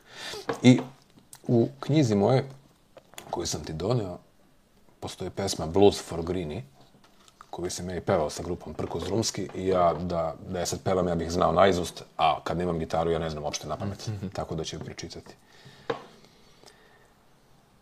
Zameo si vatru koja ti je data, iako si znao za njeno poreklo. Teška bela ptica iz prastarog jata odnela je sunce koje te je peklo. Morili te snovi crnoga čoveka kao da si i sam crnog roda deo. Tražio si drevnim bolestima leka, pronašao nove, a da nisi hteo. Hranio si osmeh snagom ruku svojih, svima dao nade iz umorne duše. Platio si uzmak darovima koji, poreknuti jednom, sve čoveku sruše. Kuda ćeš bez vatre, u vremenu vatre, kada svoju pesmu ne možeš da zatreš? Sjajno. Da, Blues for Greenie.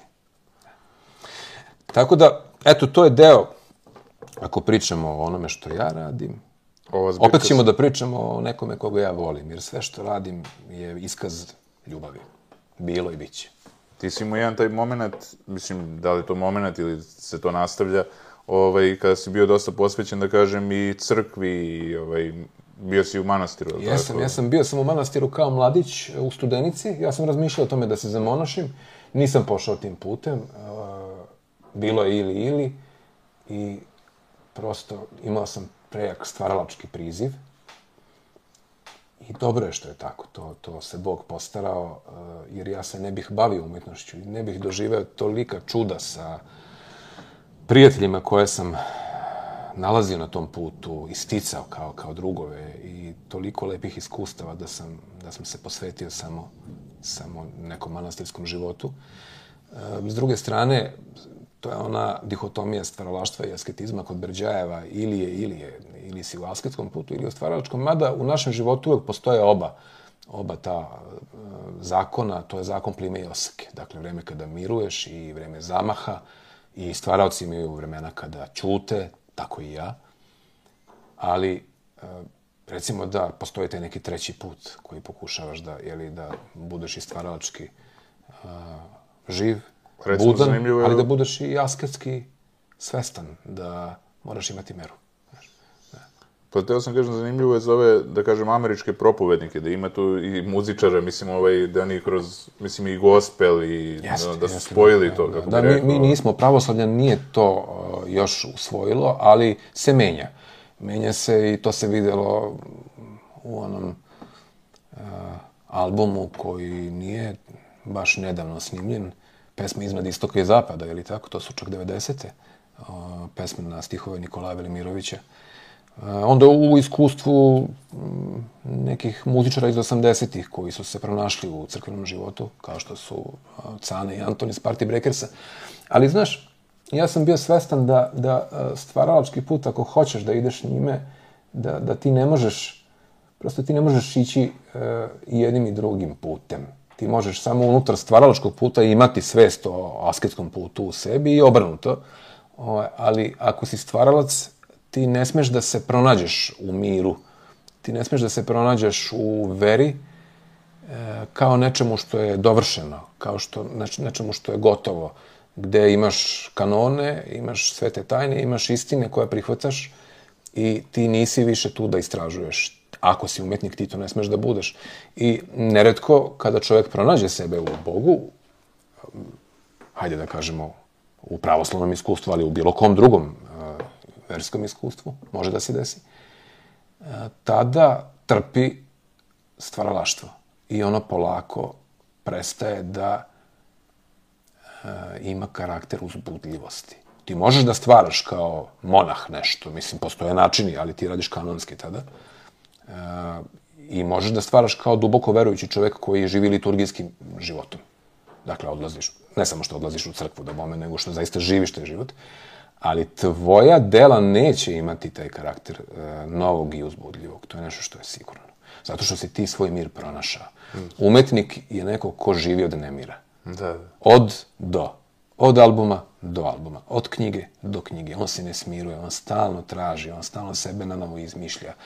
I onog trena kada se pronađe, on više neće moći da služi službu umetnosti. Zato sam ja morao da se predelim, iako imam, da kažem, veliku naklonost prema, prema pravoslavlju. E, Ne kao prema crkvi, prema religiji, nego prema pravoslavlju kao načinu života u našem narodu. A, I razumem, razumem te, te ove, duboke osnove našeg, našeg postojanja, osmovekovne. Ja sam recimo isto kod dete z- ovaj, izmišljao neke molitve. Su, I nisam... Pa to je stvaralački čin, Da, da. vidiš? Da, Da, da. Uopšte nisam to uradio u crkvi, nego kod sebe u sobi, ili mislim tako da... I znam da su se stvarno dobre stvari dešavale u tom trenutku, to sam već pričao u jednom podcastu, ovaj, u svom podcastu, ovaj, šta god sam ono poželao, desilo se zato što, mislim, kroz te molitve što sam se molio, ovaj, nekako kao da sam imao jače samopouzdanje. Kao da mi je to davalo samopouzdanje, ovaj, kao da imam još nešto što me, ovaj, uz mene, ne, nisam sam, nego ima još nešto dodatno što mi pomaže, ovaj, da... I eto tako, vrlo čudan jedan moment je to bio. To je bio taj prelazak nekako iz osnovne u srednju školu, ovaj, kad je bio taj prijemni koji je sve mnogo plašio da li će upisati ove škole ili ne. I sećam se da sam u tom trenutku krenuo i bukvalno sve što sam tada ono, pomislio, do, ono, dobro se odigralo, tako da... Ja volim da, da mislim da je ta lična molitva koju, koju si ti praktikovao kao dečak, a takve sam i ja imao kao mališan, da je upravo to prisustvo e, numinozno e, Božije, koje je neophodno da, da prosto preživiš trenutak, jer dolazi u teškim trenucima potreba da se, da se pomoliš. A opet volim da mislim da možda jedan Bojan iz budućnosti došao jednom dečaku Bojanu u tom trenutku i da se ti povezao sa sobom e, iz nekog nadvremena i da si ti zapravo na neki način ovaj, sam, sam sebe utešio i pomogao ovaj, iz jedne verzije koju si mogu da prizoveš upravo tim činom lične molitve. Mislim da svi imamo neke te staze koje nisu ovaj, materijalne, staze duha i gde e, a to jeste zapravo naš život od, od e, detinstva do, do, do zrelosti, starosti i mrenja. E, U nama se nalazi i dete, i zreo čovjek, i starac. Sve se nalazi u, u nama, ali se sve nalazi odmah u nama. I onda ti možeš prizvati starog sebe, nekog iskusnog, a, iz nadvremena, koji je na toj stazi tvog duha, da ti pomogne kada si dečak. I da svi imamo tu mogućnost. Pa eto, no, mnogi umetnici su se osjeti, osjećali stariji kad su bili deca i tako da kažem. Mislim da je to i slučaj sa Koenom upravo, ovaj, da on uvek govori... On da je uvek bio star. Da. Jeste, da, njega ne možeš da zamisliš del- da je bio izgleda- mlad. Da, tako i on je i kasnije krenuo ovaj, da se bavi, da kažem, muzikom, jer je video da od poezije neće moći da živi, a hteo je pošto poto da uđe u taj umetnički život. Mislim, ne pošto poto, nego jednostavno takve su bile okolnosti kad se preselio sa onog grčkog ostrava i ovaj, a iz, i onda i on je izgledao dosta stariji odnosno na te umetnike koji su se tad probijali i onda sve se nekako uklopilo u tu sliku o njemu, tako da ali onda sam kroz ceo život stvarno tražio, eto, on, on je čak bio i u budizmu u jednom trenutku, Jeste. ovaj, tako da... Jeste, da, bilo je potrebno da se i tamo otkrije, pronađe, ali nije ostao tamo. A to znamo zato što je stvorio nekoliko izuzetnih albuma kasnije. Jeste, da je da. ostao tamo, ne bi snimao takve pesme. A šta misliš, da li, o, dobro, rekao si mir, ovaj, ali da li je malo možda to što kad se ljudi okrenu Bogu, pa samo, da kažem, misle o Bogu, ili kako bi rekao, ovaj, posvete se tome, da li možda postanu i ograničeni u smislu razmišljanja van toga, kako bi rekao, da li to može da bude isto ovaj, kamen spotica? Pa dobro, oni mogu sebe da limitiraju na taj način da to jeste svojevrsni limit, da ti nećeš imati sumnju. Da. I da prosto ako imaš veru u Boga, isključuje se sumnja, ali u, u- to je tako u teoriji, u praksi i onaj najveći vernik ima i takakve sumnje i to je sigurno tako. I što je veća vera i ljubav prema Bogu, veća sumnja ume da udari i teže ume da udari čoveka. Tako da oni možda mogu da ovako u komunikaciji sa bližnjima govore iz tog lika, Evo sad smo imali primer e, patrijarha koji je govorio nešto, a da nije bio u liku patrijarha. Ovaj primer sa, sa ovaj, tih deset minuta njegovog govora na nekom njihovom skupu, gde se videlo da čovjek nije, nije ušao u taj lik. Postoji neko ko je bio taj čovjek pre nego što je postao patrijarh i taj lik je aktivan u njemu i vidi se po pogledu, e, po očima i po, po, po načinu na koji govori i izrazima koje koristi, da on nije bio u tom liku, nije dovoljno ušao u taj lik možda brzo ili i prosto ljudi koji su verujući često iz lika govore, a taj lik obavezuje da ti ispovedaš veru i pred drugim. Ne sumnju, nego veru. Međutim, svako od tih ljudi zna najbolje šta je kad ostaneš sam sa sobom i sumnja je uvijek tu. I apropo patrijarha, to je ljudsko biće koje ima jednu jako tešku ulogu. I treba razumeti. Pa svako ima pravo na grešku. Još i- kako. Crkva je puna ljudi koji greše. Zato što je crkva puna ljudi, Bogu hvala. Mislim, to su ljudi. Mi svi grešimo. Samo što se njima nekako drugačije meri i drugačije se vrednuje. I onda preteruju ljudi koji su protiv crkve, pa kao, gre, naravno da imaš grešnike i to svedočene. Imaš ljude koji, koji, čije postupke moraš da osudiš. Ne ljude, nego postupke. I to je bitno razdvojiti. Ali na svakog tog jednog grešnika koji ima neko ime, Imaš i ljude koji su bili nesveti, a sveti, što kaže ovaj, Tihon Ševkunov, koji su bili skoro pa živi sveci. Da. Način na koji su živjeli. I iz iste te, ajde da kažemo, organizacije, nije to organizacija, ali oni vole da kažu ti ljudi previše urbani, građanski orijentisani koji imaju problem sa crkom, oni to zovu organizacijom. Pa iz iste te organizacije dolaze izuzetna ljudska bića. Pa nije onda samo do organizacije, nego do čoveka. Hoćeš li biti bludnik, grešnik, Hoćeš li biti rđav čovek ili ćeš biti neko ko pokušava svaki dan da bude što bolja verzija sebe? Eto. Meni kaže, često prijatelj kaže, šta ti pokušavaš ljudima kod nas da kažeš, kaže, nisu slušali Patrijarha Pavla, nisu slušali Vladetu Jerutića, sad će tebe baš da slušaju, ovaj, često, pa zašto ne bi? kažem za kulturu. Pa zašto što- ne bi slušali A ja kažem, ako je lepo u, upakovano, zanimljivo, ne vidim zašto ljudi ne bi, ono, Ti to, ti to radiš sa, sa stranicom Radioaktivni komarac, evo već deceniju. Ti, jest. ti daješ sadržaje koji su izuzetni i baš vidi se da biraš afirmativne stvari, dakle ne toksin, nego nećeš da truješ, mreže je pretrovana i ovako i onako, svako od nas svoje otrove ima pa sipa svaki dan.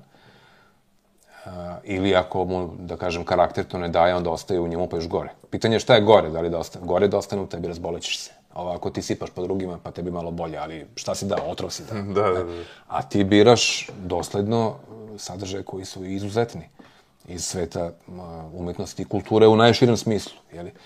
I zašto te ne bi slušali? Ti imaš i, Bogu hvala, puno pratilaca tih pratilaca, tu, tu postoje neki sigurno izuzetni živi ljudi, a ne samo avatari. Dakle, ljudi kojima znači to što radiš.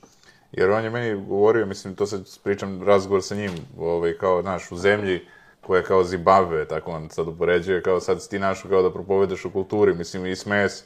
Ali, Pa hoće da kaže, ovaj, ali, Hoće da kaže da si Don Quixote, jeli? pa da, da, da, A kao, dobro, jer, Don Quixote je isto jedna ovaj, časna uloga. Da, jer u principu, ovaj, kako bi rekao, ljudima je potrebno i previše ničega mora pući u jednom trenutku. Znači, i mislim da svaki čovjek ima u sebi tu neku potrebu i za duhovnim, i za umetničkim i pa na kraju krajeva i tom kulturom svojom i kad se nađe neka iskopina na kraju ovaj kaže se ovaj da je to kultura neke civilizacije i znači da je kultura malte najvažnija no, u principu, tako da... Jeste najvažnija. Jer Samo po, da ne nađu po shopping možemo da se, da se zapravo...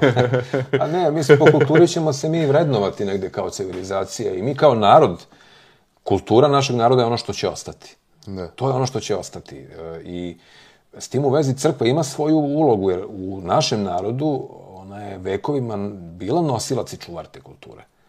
Pa se to kasnije pod, pod 19. veku, naravno, podvojilo i podelilo na one koji imaju ipak građanski orijentir i one koji imaju taj tradicionalni orijentir, jedni ka Austro-Ugarskoj, drugi ka Rusiji i tako. Do danas mi smo podeljeni, u ostano videlo se u ovih nekoliko dana jedna Srbija i druga Srbija. Znaš, to, to jeste naša najveća nevolja, što ne možemo pod istu kapu da se stavimo nikako. I to doslovno. Dakle, jedni su imali petokraku, drugi kokardu. A, a da možemo da se oko nekih ključnih pitanja ujedinimo kao narod, kao ljudi, a, mi bismo drugačije život doživjeli. Ali kultura je ono što će i u takvoj podeljenoj zemlji, podeljena podrazumeva neki dinamizam, nije to uvek loše. I podrazumeva front neki, polemiku i, i razgovor. Dakle, kultura je ono što će ostati i što će biti naša lična karta naroda. Da, i mislim da je više on u tom razgovoru, kad smo pričali, mislio kao, eto, borba za golu egzistenciju, naši sad nemaju ljudi vremena još da se nadograđuju. Znači, oni sad kao rade da bi pre, preživeli, dođu kući, ne znam, umorni su, pa sad, de, ako ima decu, da. posebno u manju decu, kao, gde će sad on kaže da, znaš, kao, prati bilo kakvo dešavanje, da, mislim, kao, nema se za to vremena, je rekao, znam sve, ali mislim da ima ljudi koji pored toga uspevaju da ovaj, isprate. Ima, i... ima ljudi koji žive skromno, koji imaju i porodice i decu i, i uspevaju da a, da usvajaju svaki dan koliko mogu kulturne sadržaje, da se hrane na neki način. To je hrana. To je hrana, kao što naše telo traži hranu, tako i naš duh, naša duša, kako ko voli, traže, traže hranu i treba, treba imati dobru dobre sastojke. Treba dobro jesti. Pa i lepa je ta želja za saznanjima. Ovaj, jeste. To je baš... Pa jeste. Pa kultura je uzbudljiva. Pa to je nešto... Znaš, to, ti sebe... Šta ti je zapravo u kulturi radiš? Ti pronalaziš sebe. Ti stalno iznova pronalaziš sebe u delima koje usvajaš, kojima svedočiš, na kraju koja stvaraš ako si pošao tim putem. A ne moraš biti stvaralac, možeš samo da usvajaš. Ti pronalaziš sebe. Pa to je nešto najlepše i svaki put nekako drugačijeg sebe. Mislim, zato postoji kultura zbog potreba našeg duha. Negovanje. Kultura je negovanje na kraju, je tako? Izvorno gledano šta je ta reč. Pa da. Znaš, negovanje. Ti treba da neguješ svoj duh kao što neguješ svoje telo. I, i dela koja ostaju zaista, zaista su ona koja će nas odrediti kao, kao narod. Koliko smo doprinjali civilizaciji. A evo recimo, ti si vrlo raznovrsno što se tiče interesovanja za različite kulture, pa si mi spomenuo pre podcasta čileanskog umetnika. A, Viktora Haru, da, da. Viktor Hara je izuzetno ljudsko biće i dobro je da ga pomenemo, malo se zna o njemu ovde, a evo, ove godine je 50 godina od kada je ubijen u Čileu na stadionu Santiago de Chile, koji sada nosi ime po njemu, stadion Viktora Hare. E, dakle 73. godina, oni koji znaju istoriju tog vremena znaće da je to uh, u vezi sa uh, vojnim pučem, da je to ono vreme kada je Amerika, američka administracija radila ono što radi celog stoleća unazad, jeli? a to je zapodevala ratove i pravila krize i finansirala te krize i tako su radili u Čileu i srušili su režim, režim Salvadora Allende, koji je bio levičarski, demokratski izabran predsjednik i koji je pokušao zaista da reformiše tu zemlju. I Viktor Hara je bio uh, kantautor, uh, vrlo nalik Miroslavu Antiću po popisu talenata. Bio je i scenarista i uh, čovek teatra, pozorišni režiser i folklorista i voljeno, voljeno lice čilanskog naroda. Pevao je kao Slavuj. Izuzetan je bio. Imao je taj, tu indijansku fizionomiju, odmah vidiš da je to južnoamerikanac. I kada je Pinoče e, srušio režim Allendeov, e, Haru su uhapsili na fakultetu da je radio i odveli na taj stadion. Tamo su ga mučili E, slomili su mu šake, tražili su od njega da peva pesme za Pinoče, on nije hteo i pevao je pesme levičarske. Dakle, govorimo o jednom levičaru koji završava u Hristovim mukama. Bukvalno. Pošto pominjali smo naš komunizam. Nije isto naš komunizam i komunizam Južne Amerike. Nije to isto. Nisu to iste ličnosti. Potpuno- To, to je nešto potpuno drugačije. Ovo su mondenski političari koji su uh, živeli sebi da ugode. Na kraju Tito je tako živeo svoj život uh, do, do, do kraja, mislim, kao faraon. A ovde imaš nekoga ko ne da nije izdao svoje ideale, nego je zaista dao glavu za njih. I posle prebijanja uh, streljali su ga ne znam, 50 metaka i, i, i, o, i bacili su ga na ulicu, kao psa. I taj Viktor Hara postaje simbol uh, protivljenja zlu. E sad, i pre nego što je on stradao martirski, uh, on je bio velik umetnik na onom prostoru. I ako poslušaš danas njegove albume, pogotovo Manifesto album koji je posthumno objavljen na snimljene pre, pre tog vojnog puča, ti ćeš čuti nešto izuzetno. Dakle, to je ogroman jedan kalibar umetnika i sama pesma Manifesto je potresna. Toliko potresna da Bruce Springsteen koji dolazi u Čile e, da napravi koncert, izvodi tu pesmu u čast njihovom heroju, ali ne može da je peva. Ne sme da je peva, jer nije njegov glas dostojan glasa Viktora Hare. I onda on tu pesmu izvodi u jednoj ravnoj liniji više narativno, čitajući tekst španski. Treba poslušati tu pesmu i poslušati njegove albume, pogotovo Pravo na život u miru, uh, El Derecho de Vivir en Paz, tu pesmu je i uh, obrađivali su ljudi kasnije. On je u svetu, dakle, znatno poznati nego kod nas. Roger Waters je nedavno tu pesmu obradio, a i Milan Korać i ja smo snimili na srpskom prepev. Uh, I uh, Hara je važan za nas zato što je zlo kojem se on suprotstavi i o kojem je on pevao isto zlo koje se na Balkanu događa.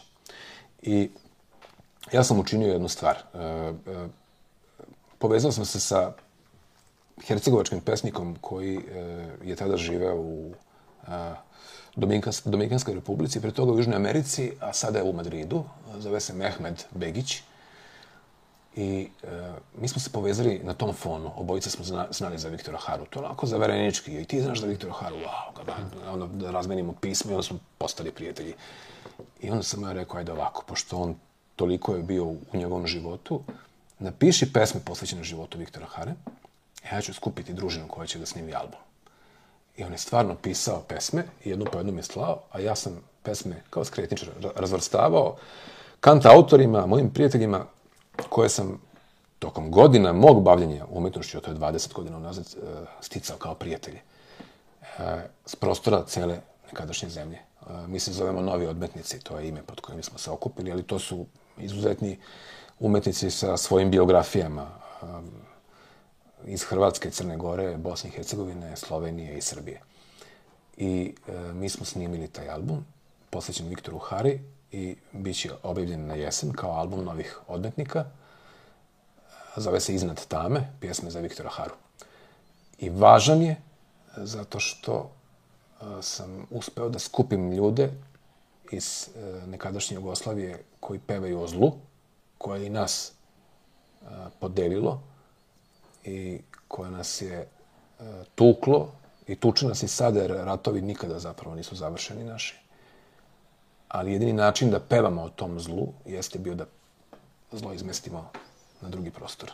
Jer nije lako umetniku iz Hrvatske i umetniku iz Srbije da se skupe pa da pevaju o Jasenovcu, iako se pominje Jasenovac u, jednom, u jednoj pesmi ove za Viktora Haru, kao i Jame, Ivan Goran Kovačić, dakle, ta naša zlato se pominje. Ja upravo izgovaram te stihove, meni je pripalo da te stihove izgovorim, ali mi smo se skupili da pevamo o zlu koje se desilo tamo, znajući da je to naše zlo i da se stalno vraća. Zato je Viktor Hara jako važan i za nas da se kao ljudi na Balkanu upoznamo sa jednim e, istinskim umetnikom koji je glavom platio za svoju umetnost. A to, to nisu ovaj, česte situacije i to, to treba zaista se pokloniti. Južnoamerikanci su bili poznati po tome umetnici, jer su bili spremni da se žrtvuju, ovaj, ali dobro, evo imamo i Španca, Lorka ili Jel se Lorca I izgovara? Lorca, da, čak i Lorca se pominje u toj pesmi da. koju izgovaram, a posvećena Viktoru Hari, evo, kao da si znao. Ovaj, da, da. Pa dobro, Španci, vrela krv. Mnogo godina su bili pod... Ne znam ko je napisao, kaže, ne volim njihove filmove. Ne znam šta je rekao kao satanistički njihovi filmovi. Je rekao, čekaj prijatelj, pa to nije satanizam ako oni na, imaju snage da se šale posle 50 godina diktature, ovaj, kroz umetnost, ovaj, znači to je snaga duha, ne sasvim suprotno od satanizma, znači ono, nema veze što su im bizarni filmovi, mislim, ono, oni su uspeli da, ovaj, metaforički prikažu nešto na smešan način, nekome možda će to biti bizarno i odvratno, ne znam šta, ali sa druge strane oni su smogli duh, snagu duha da nešto naprave, mislim konkretno na Alex de la Iglesia, umetnika koji je ovaj, na Alexa de la Iglesia, koji je pravio tako, da kažem, bizarne filmove, ali koji su ovaj, povezani eto, sa time što su oni bili pod tako dugo godina pod tim diktatorom, tako da ovaj, A opet... Da, ali oni imaju, da, to je Španija, ali recimo imaš iskustvo Južne Amerike gde se govori španski jezik i te kulture su se umrežile. Tako je. Gde imaš te magijski realizam, ne samo u književnosti, nego i u filmu, recimo Alejandro Hodorowski, Tako čilanac koji, koji je i tekako ovaj, baštini taj Spomenuli magijski u prošlom realizam. Da. E, vidiš, on je jako interesantan čovek, dolazi sa istog tog prostora, ali opet oni imaju indijansko, šamansko pamćenje u svom da, da, da. kodu, i ako su bili kolonizovani i morali da nauče tuđi jezik i da usvoje tuđu veru. Bili su pokršteni silom. Kad nisu hteli milom, oni su ipak sačuvali te kodove e, predačke i plemenske i zato su oni uzbudljivi, pa i bizarnosti dolaze odatle. Mislim, to bizarnost je nešto što mi sa našom belapškom, da kažem, evropskom percepcijom, racionalističkom, nismo, nismo ono spremni da shvatimo. A u stvari to su samo razni planovi uh, stvarnosti koji se mešaju. Pa i mislim da je umetnost ono kad se ne ide na faktor šoka, nego kad je jednostavno samo po sebi to tako, nema ništa loše u tome kad je to tako predstavljeno, a da ima tu simboliku, ovaj, ali kad se ide na faktor šoka, to je onda drugačije, to onda više nije ni umetnost. Ali teo sam da kažem za južnoamerikance, eto, interesantno je recimo i ta Pagu, za koju redko ko zna, ovaj, to je bila, ona je napisala, mislim, prvi proletarski roman, ona se kandidovala za predsednicu Brazila, ona je dotle išla od tih, ono, protiv diktatora, ovaj, onda imamo primjer Ernesta Sabata, koga smo spomenuli, koji je napravio komitet koji je kažnjavao ljude koji su učestvovali u argentinskom diktaturi, i ovaj, stvarno su imali, pa Josa, mislim da se on kandidovao isto za predsednika, bilo je tu zaista mnogo velikih tih ličnosti koji su, ovaj, i to se vidi kroz njihovu književnost i, mislim, stvarno Južna Amerika na neki način ima nešto i neki, neki dodiraj sa nama i po, to, to, ta neka strast i ovaj, jako mi se sviđa njihova umetnost, generalno. Jeste, mislim, tako jeste. Da, jedan uzbudljiv prostor. Da, da. I, ne, nedokaziv, nedorečen, e, nestvaran, magijski, više nego misterijski. Misterijski prostor je ono što pripada, da kažem, uh, antici i hrišćanstvu, koja se, koja se nadovezala zapravo na, na antiku i na platonizam, a magijski to, to pripada južnoameričkom svetu. I to je nešto što je ovaj, uzbudljivo i, i, i podsticajno. Mislim, to pobudi u čoveku mnogo, mnogo šta. Baš mi je gost, mlađani Mihajlo Tadić, koji pušta muziku južnoameričku u jednom klubu, rekao, kaže, jao, kako mi je žao što neki naš bend, kaže, ne proba da svira to, ovaj, i, ovaj, zato što, kaže, kod nas većina ljudi smatra to kao muziku za ples, a on bi voleo da bude ono, kao Mano Negra i ovaj, ta neka, na tu neku foru, da, da kažem, ono, ovaj, tako da... Ali dobro, mislim, verovatno im, evo, i ovo što ti radiš u principu ima neke veze sa time, tako da, ovaj, odlično je što se ti ovaj, zainteresovao i što, eto tako, neke ličnosti vadiš, što se kaže, iz naftalina, za koje naši ljudi ne znaju, verovatno, većina, mislim, ne kažem svi.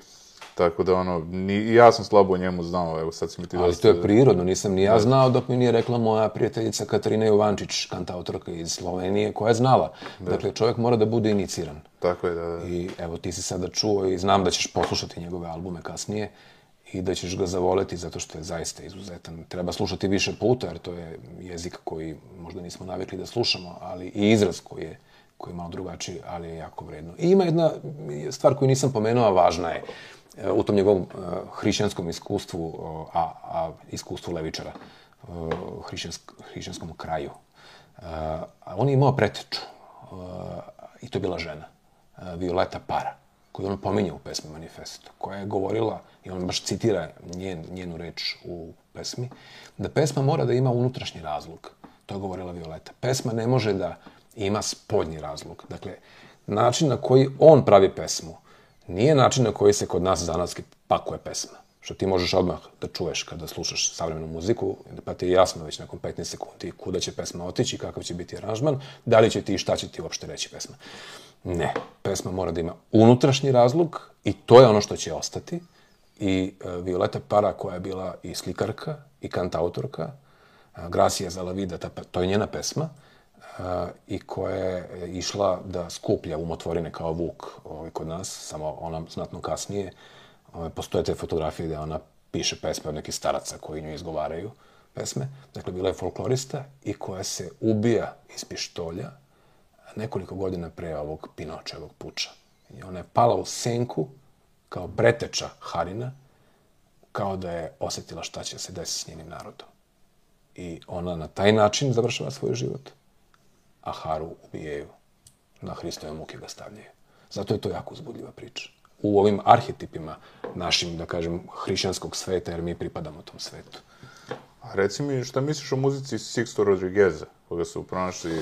On je izuzetan primer, da, nekoga ko je vredeo, a ko, ko, ko je sve to što je uradio uh, zaboravio i ko je bio dovoljno skroman da, da ovaj, ne bi, ne, ne bi, ti ne možeš čuti Sixto Rodrigueza da govori svojim pesmama kao što Štulić govori o svojim, tako? A, a postoji srećan taj film koji je snimljen kad su ga otkrili i to je opet mitska situacija. Znači, čovek koji je izuzetan, dva sjajna albuma, a ko, za koga niko nije znao. Dakle, albumi su apsolutno na nivou najbolje produkcije i, i najboljih pesama onog vremena, a, oba njegova albuma. Ali ima taj neki, da kažem, tu, tu, a, što kažu, ima Boga. O, on je postao velika da nije znao u jednoj drugoj zemlji, a ne u Americi, u Južnoafričkoj republici. Da. I s te strane mu i dolazi poziv da se on vrati. Tako da je to jedna divna priča. A imam eto, ovaj, to je pre par godina sam naišao na bende, sad ne mogu da li ću dobro izgovoriti ime, ali nastupali su u Novom Sadu, Uven Hand, jel se tako zove, Jeste, znaš? jeste, da. da. Uven Hand, to jeste bend, ali to je jedan čovek, u stvari, autor. Da, da, da. da, da Interesantna on mi je njihova muzika, Jeste, i on, ima on, on ima ove ovaj- šamanske ove tragove u sebi, indijansko poreklo, to se vidi. Da. I izuzetno, snažan izraz ima, baš snažan. Jeste. Da. Setio sam se sad njih kroz ovu priču, pa... A gde si ih slušao, u Beogradu ili u Novom Sadu? Ne, ne, nisam ih slušao uživo, nego sam našao, ono, pre par godina snimke, A, ali ja u sam Novom ga Sadu slušao su u Novom. Sadu, da, i to je bila sinagoga tamo na prvi koncert. To je bilo zanimljivo iskustvo. Delo mi je moćno, Jeste. zaista, tako da... Ovaj, I eto, Miloše, što se tiče zbirki, ovaj, da bi možda mogli nešto najavimo ili, eto, da spomenemo još koju zbirku, ovde smo sad jednom ovaj, pokazali, ali ima toga još, tako da... Da, Povratnici u ljubav, e, knjiga koja, nemam je ovde, a koja se nalazi, e, ima, može da se nađe e, na internetu, grafoprint iz Gornjeg. Milanovca. Da, ovo su moja deca, inače, ovo je May, a ovo je Milena na mom albumu Paralele, dvostrukom autorskom albumu. E, Ovo je takođe May e, i to je album pesama za decu. Nemanja Nešić i ja smo snimili album pesama za decu. E, a knjiga Povratnice u ljubav, ona može da se naći. I, i to, mm, to je nešto što bih pomenuo, kao i knjiga eseja Četvrta zemlja, isto grafoprint iz Gornjeg Milanovca, a za nekoliko dana će biti objavljen album novi, moj, koji se zove Život van zaveta i takođe će grafoprint da objavi e, izdanje. I to je nešto što je, da kažem, meni drago i sad važno u ovom trenutku, jer to je album koji me je doveo tamo gde sam krenuo kada sam počeo samostalno, izašavši iz grupe Prkozrumske da snimam. Dakle, mislim da sam sa ovim albumom, ne da mislim, nego osjećam da sam stigao. E, vidjet ćemo šta se desi kada stigneš.